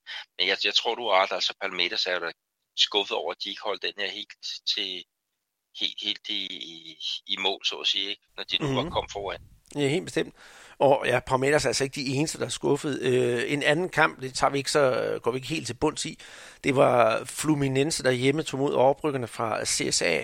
Og, og, og CSA, det er oprykker og total bundhold, det, skal vi, det kan vi roligt sige. De formår altså at holde Fluminense fra fadet på Maracanã. Øh, Paulo Higanzo, ja, han filmer for et straffespark og bliver ignoreret. Øh, og så lige pludselig efter det, den følgende film fra Ganso, der øh, tager CSA Fluminense med bukserne nede på et kontraangreb, og Jonathan Gomes han sørger for det afgørende mål i kampen, altså 1-0 til CSA, uh, øh, på faktisk på et oplæg, eller ikke et oplæg, sammen med i opspillet af en tidligere, kan man sige, dansker, nemlig Ricardo Bueno. Øh, den her nederlag til Fluminense, det kostede jo faktisk træner Fernando Denis fy, øh, trænerposten. Han blev fyret. Øh, Øh, og øh, ja, øh, så står Fluminense sådan og ved ikke, hvad de skal i et eller andet øh, øh vakuum. Men til gengæld så har de hentet en ny træner i øh, professoren, som vi har også blivet kaldt, Osvaldo Oliera, som er sådan lidt af en, øh, en journeyman på, på trænerfonden at det ikke er bare at sige, at Fluminense de skal altså bare op på pinden igen og, og finde lidt tilbage til de gode dyder, de har. Og så synes jeg faktisk også, undskyld Paolo Higiganzo, jeg holder meget af din stil at spille fodbold på, men øh, luk skuffen og kom i gang med at spille noget fodbold, i stedet for at brokke så meget. Og det, det, er, altså, det er jo rigtigt. Altså, vi kan sige, at hvis du tager sådan en træner som øh, Fernando Diniz, ikke, så ved du, at det er meget kompromilløst, det han laver. Det, det er jo sådan, Øh, der er mange, der snakker om, at han faktisk er den, den mest talentfulde øh, træner, øh, som man, man har hernede. Øhm, og, og sådan lidt, øh, lidt i samme øh, boldgade som, som Sampaoli. Meget med possession, øh, meget med, med offensiv øh, spil. Det vidste man, da man, man hentede ham. Øhm, han havde ja, sidste år spillede han, øh, eller trænede han Atletico Paranaense, ikke, hvor de, de også øh, lå under stregen efter, jeg tror det var 10 runder. Øh, øh, men, men hentede så en, en uh, træner inden for egne rækker, og han, han fik simpelthen ført holdet frem til, jeg tror det var en syvende plads, plus de også vandt øh, uh, Suleiman Adekane. Jeg, jeg ved nu ikke, om Osvaldo Oliveira, han kan gøre det samme, altså, men han er jo sådan mere, mere pragmatisk, ikke? og det har jo også været problemet med Dinese. Han, han vil nemlig ikke gå på, på kompromis. Øhm, så jeg ved ikke, om man kan sige, at han har fejlkastet Dines, men, men der må jo sidde nogen i den der bestyrelse og tænke, øh, øh, altså, øh, vi spiller på en, en de spiller rigtig attraktiv fodbold, og de har været med til blandt andet den mest underholdende kamp, hvor de vandt 5-4 ude over Grêmio øh, i, i starten af sæsonen. Så, så han kan en masse ting, men øh, måske mangler der lidt dybt i hans måde at, at gribe tingene an på, men jeg glæder mig til at se ham i sit øh, næste job. Han fik lagt nogle fantastiske gode øh, øh, sten, da han var i Atletico Paranaense, og nu må vi se, om, om, om der igen er nogen, der skal profitere af hans, hans øh, grundige arbejde. Ja, men øh, det er jo bare et spørgsmål om, hvem der får lov til at få fornøjelsen af ham, fordi jeg synes også, at det, som siger, kompromilløs, ja, og Fluminense har faktisk stået for en, øh, en underholdende og charmerende gang fodbold i sæsonen indtil videre, og det håber jeg da også, at de vil blive ved med. De mangler jo bare sådan lidt, øh, lidt, lidt resultater, og så også være, når det endelig gælder en lille smule, øh, lille smule skarpere. Hvis der var noget, der var skarpt, Peter, så kan vi ikke komme udenom øh, kampen mellem Fortaleza og øh, Inter, som for øvrigt ender 1-0 til, til Inter, den øh, fik så meget opmærksomhed i Brasilien, og sågar også i Danmark, at den endte på øh, DR Sportens hjemmeside, og i hvert fald også på DR Sportens Facebook-side. For det øh, var lidt en underlig sag, da der lige pludselig var en invasion af bier på, på banen op øh, i, øh, i Serra. Ja, men jeg, jeg sad klar her ved, ved fjernsynet, ikke, og, og måtte vente, jeg tror det var et kvarter, øh, 20 minutter inden, at den blev, blev sat i gang, fordi der var, jeg ved ikke, hvad, pokker der var med det der hjørneflag, men øh, der var øh, simpelthen en svær med bier, der, der, der satte sig på, på, på den, og de prøvede med alle mulige ting og sager, øh, med, med, med røg og med, ja, jeg ved ikke, hvad, hvad pokker der var gang i, altså de der brandmænd, de, de fik i hvert fald en, havde en kæmpe opgave. Og det lykkedes ikke sådan rigtigt, øh, og kampen blev faktisk sat i gang, mens der stadigvæk var ved ikke hvor mange, 50 bier eller sådan noget, der, der sværmede der. Så øh, heldigvis var der ikke noget hjørnespark lige i, i det der område. Ikke? Og, øh, og da der var gået halvdelen af første halvleg, så var, så var de, så var de vigtige her bier. Men, men vi har jo haft nogle episoder i Brasilien, ikke, hvor man siger, at, at, at, at, at netop med bier, med vipse, Øh, sågar med myrer, altså, øh, hvor at, at, at, øh, jeg kan huske en kamp, jeg tror det oppe i Bahia, hvor der er en spiller, der, der jeg tror han laver en glidende takling, og så det næste man ser, det er, at han stiller sig op, så tager han sin trøje af, og så laver han en masse bevægelser ned af, af benene. Han er simpelthen blevet overfaldet af en, en, en flok røde myrer, som, som han har tydeligt trådt oven på deres, deres bogpæl. Og så sætter han ellers i fuld firespring ind mod, mod omklædningsrummet for at, og, og, og komme af med, med de der væsener. Altså det, det, vi, vi har nogle, vi har, vi har, jeg har i hvert fald nogle, nogle sjove øh, øh, billeder på, på nethinden øh, gennem de ja, snart seks år, jeg har været her i Brasilien. Mm. Jamen, der sker altid et eller andet, og så er der også det der klassiske i Copa Libertadores, der skal være en, øh, en hund på banen. Men øh, med hensyn til, til Serie A, så kan vi lige sådan hurtigt snakke om de øvrige resultater, der har været. Corinthians øh, basker Botafogo 2-0, meget fortjent. Atletico Paranaense mod Atletico Mineiro 1-0, den er der ikke så meget at sige til. Bahia og Goiás 1-1. skal lige notere, at øh, Kajke ikke var med for Goiás, da han jo havde trukket sit tredje gule kort og sad over i den her runde. Og så er der Chapecoense, der vinder 1-0 over oprykkerne fra Avaí. Og Chapecoense, som sagt, stadigvæk uden øh, den tidligere AB'er, Jan Holim. Det var så øh, Serie A, Peter. Sådan da, for vi skal jo lige, øh, sådan for at have frisket op, snakke om, øh, ja, top 6 og, og bunden. Og der kan jeg ligge ud og sige, at øh, stadigvæk finder Santos på førstepladsen her efter 15 kampe med 32 point. På andenpladsen har vi Flamingo med 30 point.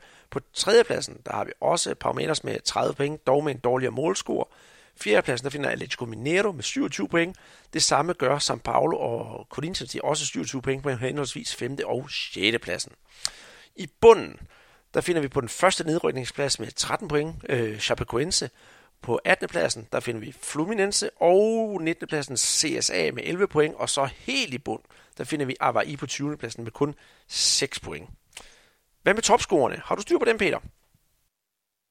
Ja, det er så Gabi Goal, der, der fører den med, med sine 11 mål, og så nummer øh, to på listen, det er Everaldo fra um, Chapecoense. Det var også ham, der, der scorede på, på det straffespark i den her vigtige kamp mod, mod Avaí.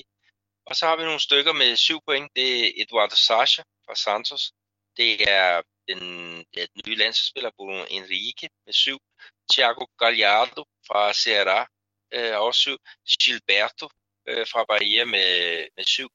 Og så med seks mål, der har vi blandt andet Derda Gaeta, og så vores ven øh, Kaiki, øh, fra, ja, som spiller i, Goiás. Vi skal lige have med også, du snakker om Ricardo Bueno, og hvis folk ikke lige kan huske ham, så spillede han 10 kampe for, for Nordsjælland øh, til, tilbage i tiden, og det var også derfor, vi følger ham på vores, øh, vores øh, såkaldte danskerdom. Men der, er jo kampe her, øh, ja, der er jo Copa Libertadores her i den her midtuge, og der er også øh, Copa Sudamericana, den, den øh, lidt mindre turnering. Øh, der skal lige tage med, at Atletico Mineiro, de spiller med der, de vandt øh, 2-1 øh, her i, i går. Øh, og øh, øh, ja, hvad er det, måske øh, får lidt svært, når de skal spille, øh, spille returkamp. Øh, der er jo det med udebanemål i, i den her turnering. Men, men øh, vi skal jo i gang igen med den 16. spillerunde her på, på lørdag og søndag. Og har du nogle specielle kampe i, i sigtekornet?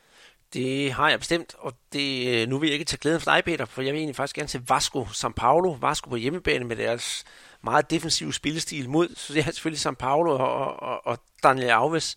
Og så selvfølgelig af, af ren skær, af, af, af, jeg holder med dem, så skal jeg se Serra Flamingo. Ja, øh, det er også, det er også to gode valg. Jeg ved det, altså måske tager jeg ud, og så ser jeg um, Atletico Mineiro mod, uh, mod Bahia her på, på lørdag. De kommer jo forbi uh, uh, min by, uh, Bahia, ikke? og Bahia det er jo det hold, som jo blandt andet har uh, haft uh, Paulinho og uh, uh, Junior Brumado, uh, der nu er i Midtjylland. Så så det, det kunne godt være en, en, en spændende kamp. Grêmio mod Atletico Paranaense. ser jo også god ud på, på papiret, øh, men øh, igen, der er jo Libertadores for, for Grêmio, som hun ikke de stiller med et, et, et B-kæde, altså topholdet. Santos, der tager imod Fortaleza, altså hvad, hvad kan Santos nu, hvordan, får de, hvordan kommer de op på, på hesten igen? Det, det, det glæder jeg mig også til at, at se så har vi jo næsten som sædvanligt rundet, rundet alle, alle kampene.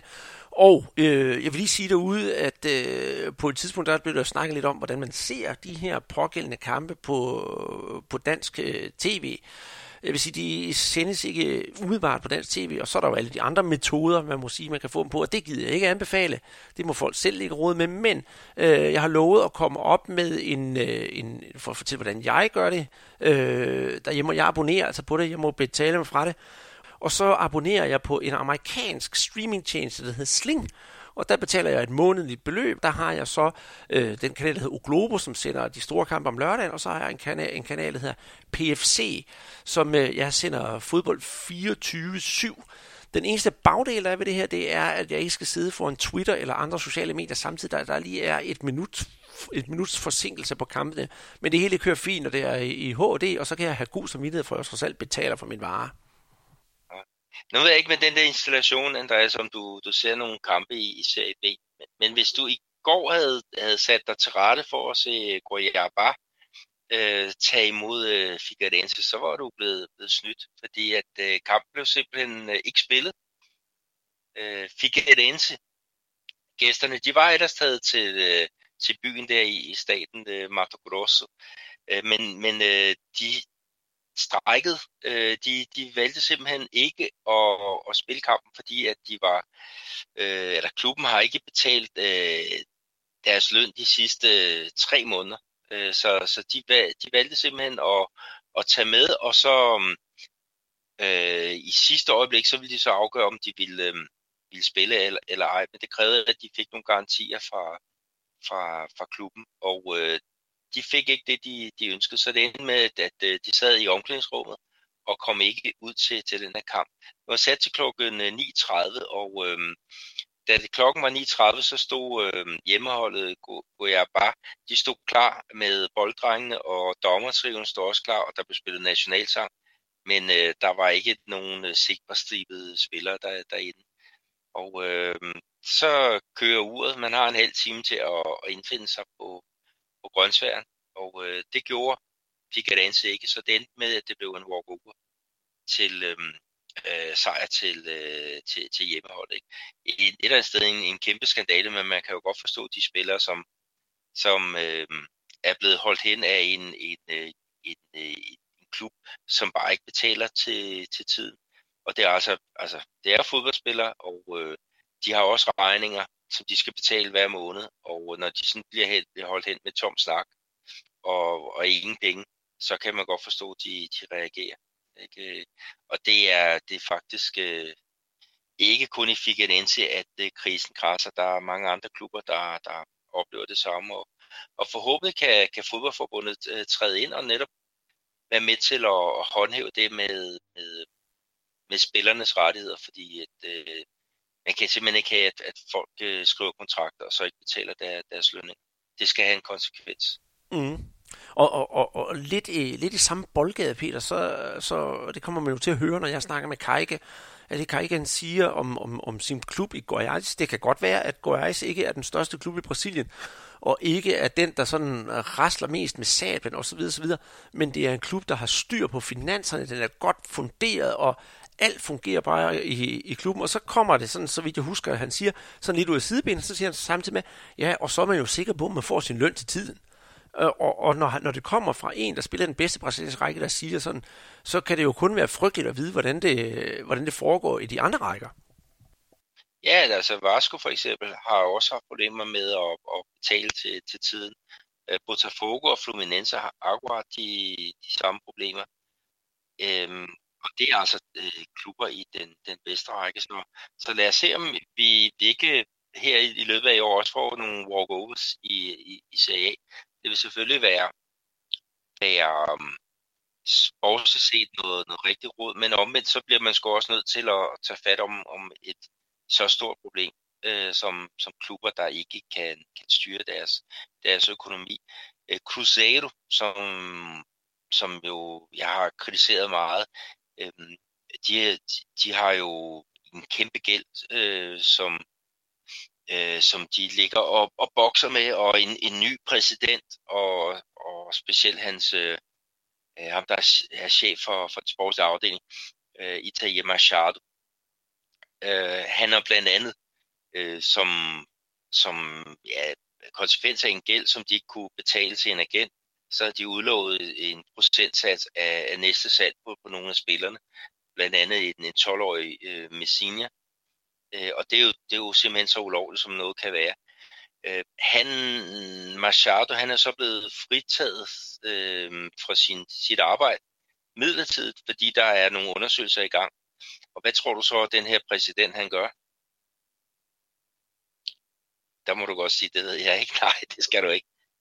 Øh, og, du, og hvad gør man så som en ansvarlig præsident, når, når ens øh, mand er, er hedder sendt på overlov? Så giver man ham bare en anden rolle som, øh, som special advisor. Øh, og det viser jo bare, hvor, hvor råden den her øh, fodbold, øh, hvor mange hvor råden fodboldklubber i det hele taget er. Mange fodboldklubber er. Og, og, og jeg er jo også inde på Twitter og kigge der, ikke? og der er mange af de her fodboldfans, der siger, hvordan kan vi have sådan nogle banditter siddende og styre vores klub? Øhm, og det, det kan det jo kun, fordi de er blevet valgt. Øh, så mm, der må simpelthen, øh, der, der må ske noget, noget, noget action. Øh, vi må have de der medlemmer frem øh, fra deres skimmer, og så må de tage noget ansvar for, for deres egen klub, således der kan komme, øh, komme øh, gang i, er en ordentlig og redelig måde at, at dyrke en fodboldklub på. Øh, det gav ikke noget noget, at sådan en som Italia Charter, han øh, til et spørgsmål om, om den der kæmpe gæld, øh, som, som han har været med til at, at, at lave. Han siger, at vi går aldrig for lidt, fordi at, øh, at øh, klubbens trøje øh, er, er ubetalelig. Dermed indirekte fortæller han, at fansen kommer jo til at, at, at, at betale for, for, for gildet. Øh, uansvarlighed, det, der er jo ikke andet at sige til det. Mafia-folk, øh, det, det er simpelthen så, så galt, så, så forhåbentlig kan der komme nogle, øh, noget konsekvens øh, nu, nu og her, og, og spillerne øh, må meget gerne tage affære, men først og fremmest så er det jo medlemmerne af klubberne, der skal få renset ud i, i eget system. Det er det, selvfølgelig. Det, det kan vi da ikke komme ud om, og jeg tror desværre, der går mange år endnu, før det sker, for når det sker for eksempel også på så højt niveau, som du nævner, det her Cruzeiro, som jeg snakker om tidligere, så, så er der altså, altså lang, lang, lang vej igen. Men heldigvis øh, er der en øh, mand, der har prøvet at gøre en hel masse, og nok stadig prøver at gøre det, selvom han er lidt anonym for tiden, så er det jo det, den gode gamle Romario, som øh, gerne vil lige have ting til livs, øh, alle de der sorte får i, i, i fodbold. Og lad os håbe på, at selvom han er tavs for tiden, at han bestemt ikke har givet op, og der kommer nogle resultater fra, fra hans side. Nå, det sidste, vi skal snakke om, Peter, her, det er jo øh, en, en, en sådan en lille, en lille spøjs historie. For oppe i, øh, i, i byen Manaus, det er øh, oppe i Amazonas, midt i Amazonas, eller det der tilbage, så som det går med naturen for tiden, så har vi jo øh, to klubber i Serie D, nemlig Brusque og øh, Manaus, som spillede mod hinanden. Og øh, ja, jeg skal være ærlig og sige, jeg kender Manaus, men Brusque, dem har jeg egentlig ikke rigtig hørt om. Men det, der er det interessante i det her, det er jo, at det oppe i, øh, i Amazonas på Ardana Amazonia, som også er en af de her hvide elefanter, vi snakker om så fra, fra VM, der var der 45.000 tilskuere, eller nærmere, nærmere sagt 44.896. Men det er jo da helt vildt så mange mennesker, man kan trække til en, øh, en finale kamp om det brasilianske mesterskab i Serie D. Det er jo altså langt nede i rækkerne. Ja, det er, det er imponerende. Vi skal også lige tage med, ikke, at det er jo ikke, øh, altså Bruske, de kommer ned fra det sydlige øh, Brasilien. Jeg tror, det er Santa Catarina, altså nede fra, fra øh, Florianópolis, det, det område øh, dernede. Så mm, jo, det, det er jo da vildt, at, at der kan komme så mange folk til, til sådan en kamp. Men det viser jo også bare, at de der, mange af de der øh, områder, de er lidt øh, udsultede, ikke? Og, og når der er, er, er titler på spil, så, så får det altså folk til at, at, at steppe op og, og, og komme på, på stadion. Vi snakker også om den der kamp i Brasilia, øhm, og der er, der er jo det der kæmpe stadion, Mane Garrincha, hvor der nu var de der, var det 66.000, eller hvor mange det nu var. Altså, der, der har været kampe på det stadion med, med under 300 betalende tilskuere. øh, til øh, det, ja, det lokale hold. Øh, jeg tror, det var Brasiliense med den gamle VM-anfører øh, Lucho. Øh, han er 40 år og spiller stadigvæk, men altså, det, det, det fylder ikke meget på, på sådan et, et kæmpe stadion. Så, så et eller andet sted en, en fed historie fra, fra Manaus. Ikke? Og, og du snakkede jo også der med, med Manaus, at, øh, at øh, du, du kommer jo til at tænke på en, en speciel bog, ikke? Da, da, da den her bynavn blev nævnt. Jo, det gør det nemlig, og det er den bog, der hedder Græsset er altid grønnere i øh, Brasilien af Henrik Brandon Jønsson, og det er altså en bog, jeg anbefaler, man, man køber. Den er stadigvæk til at få fat på, og mange gange kan man finde den på bogudsalg i større supermarked til omkring 30-40 kroner. Den er bestemt læsning værd, og øh, de to gode øh, mennesker inde på den podcast hedder Bold og Bøger, øh, Sebastian Stanbury og Martin Davidsen, de har den faktisk også med i deres top 20 over, øh, så vidt jeg husker, gode, øh, gode fodboldbøger. Det er deres allerførste bold og bøger podcast, de har lavet. Der snakker de også om. Og der snakker Henrik Bernavn Jønsson nemlig om, at øh, oppe i, øh, i Manaus, så er der en gang om året noget, der hedder øh, den store Pelladon, Øh, una pelada, det er sådan en, en gang øh, gadebold, man spiller, eller når man bare skal spille en hyggekamp, så spiller man una pelada. Og der er det en kæmpe turnering deroppe, med, med, hvor, hvor alle klubber fra nær og fjern i, i staten Amazonas, det er altså en kæmpe stor stat, de mødes, og øh, der trækker der altså også øh, fulde huse, og så sorterer man sådan ud i løbet af turneringen efterhånden, som holdene vinder og taber og så videre, og så til sidst har man så fundet en, øh, en, en vinder, men altså man kan i det oppe i Manaus, der kan man altså finde vinder på flere plan, kan vi roligt sige, for øh, hvis der er noget, der hører til et øh, brasiliansk fodboldhold, så er det også en, øh, en velproportioneret, letklædt dame af, af yngre status eller yngre alder. Og øh, der er noget med, at de, de her damer her, de kan godt få et hold til at være med igen. Ja, det er rigtigt. Øhm, jeg ved ikke helt, hvordan det, det hænger sammen, men øh, man har også et hold, der er blevet slået ud øh, på, på selve banen, men de har så fået comeback i, i turneringen, fordi at deres øh, skønhedsdronning at hun har, har simpelthen ryddet øh, bordet og, og fået så mange øh, stemmer, så, så det er sådan lidt, øh, lidt skøjteløb. Altså der er det, det tekniske, og så er der det udtryksmæssige. Og jeg ved ikke helt, hvor, øh, om, om, om vi lægger det på det udtryksmæssige, når det gælder øh, skønhedsdronning, men øh, det, det er der en, en, en lidt øh, uvandt måde at kunne komme tilbage i turneringen, når man, når man er blevet slået ud. Jo, det, det, det synes jeg også, og der er garanteret både liv og glade dage, når den her turnering den, øh, den kører men desværre får den ikke ret meget opmærksomhed i pressen, ud over den presse, der selvfølgelig er oppe i, i Amazonas. For så vidt jeg husker, så beskriver Henrik Brandau Jønsson i den her bog, at for eksempel sådan et stort nationalt tv-selskab, Oglobo, Globo, de, det interesserer dem ikke, så de vender simpelthen det, det, det blinde øje til. Og det er faktisk også en ting, som Oglobo Globo er rigtig gode til, når, der, når vi skal op i det nordøstlige Brasilien, og de der steder, hvor fodbolden er stor. Det, skal vi, det kan vi ikke komme udenom. Men der måske ikke er så mange penge i det, som for eksempel nede i det sydlige Brasilien og, og i Rio, så har man tendens til bare at, at være ligeglad at lade det ligge, og så er det jo skruen, der bare er uden ende, fordi jo færre ser og så videre, så videre, så videre. Men det er jo en helt anden snak, og den har vi også været inde på nogle gange. Men indtil videre, så synes jeg da bare, Peter, at vi skal lukke den her podcast ned med at sige, mange, mange gange til, til lykke til, til Bruske, der, ja, der vandt med 6-5 efter, efter straffesparkskonkurrence. Så ja, skal vi kippe lidt for flad med, med holdet fra, fra det sydlige Brasilien. Og øh, når, man, når du siger det der med, at det kommer fra det sydlige Brasilien og Manaus, så kan jeg fortælle dig, at der i fugleflugtslinje fra Manaus til Bruske er små 3.000 km, så det er altså noget en rejse, de har været ude på, de her mennesker fra det sydlige Brasilien, men de er givetvis ligeglade nu, når de har vundet. Og med de ord, så slutter vi for denne her gang. I mit navn er som sagt Andreas Knudsen, og nede i Brasilien, der sidder Peter Arnholdt. Og husk at gå ind og følge os inde på ja, Facebook for den sags skyld, og Twitter på den sags skyld, og meget, meget gerne, hvis I kan og kender nogen osv., osv. gå ind og give os nogle øh, anmeldelser inde på, øh, på iTunes. Og øh, jo flere vi får af dem, jo mere kirsebær kan vi spise øh, med, med de helt store podcasts. Og jeg ved godt, at vi ikke har så mange skrevne anmeldelser derinde endnu. Men øh, jeg tør godt øh, lægge hatten i blød på, at øh, når vi når op på de der 50 anmeldelser, de gode alle sammen selvfølgelig, så øh, var, barsler vi med en øh, ny Guadalajara-konkurrence. Og det lyder som en, en god ting, fordi vi vil jo gerne, vi vil jo gerne frem, i, frem over stepperne, og øh, det kan vi jo ikke alene. Det kan vi nemlig ikke, og det er nemlig kun med, med jeres hjælp, vi gør det. Og husk endelig at komme med spørgsmål til os inde på, ja, inde på Twitter. Brug hashtagget brasserbold, eller, eller bare skriv til os inde på, på brasserbold. Og så er der selvfølgelig også øh, mailadressen brasserbold.dk. Der kan I også gå ind og, og bare skrive til os, og vi tager imod alt med, med kysshånd.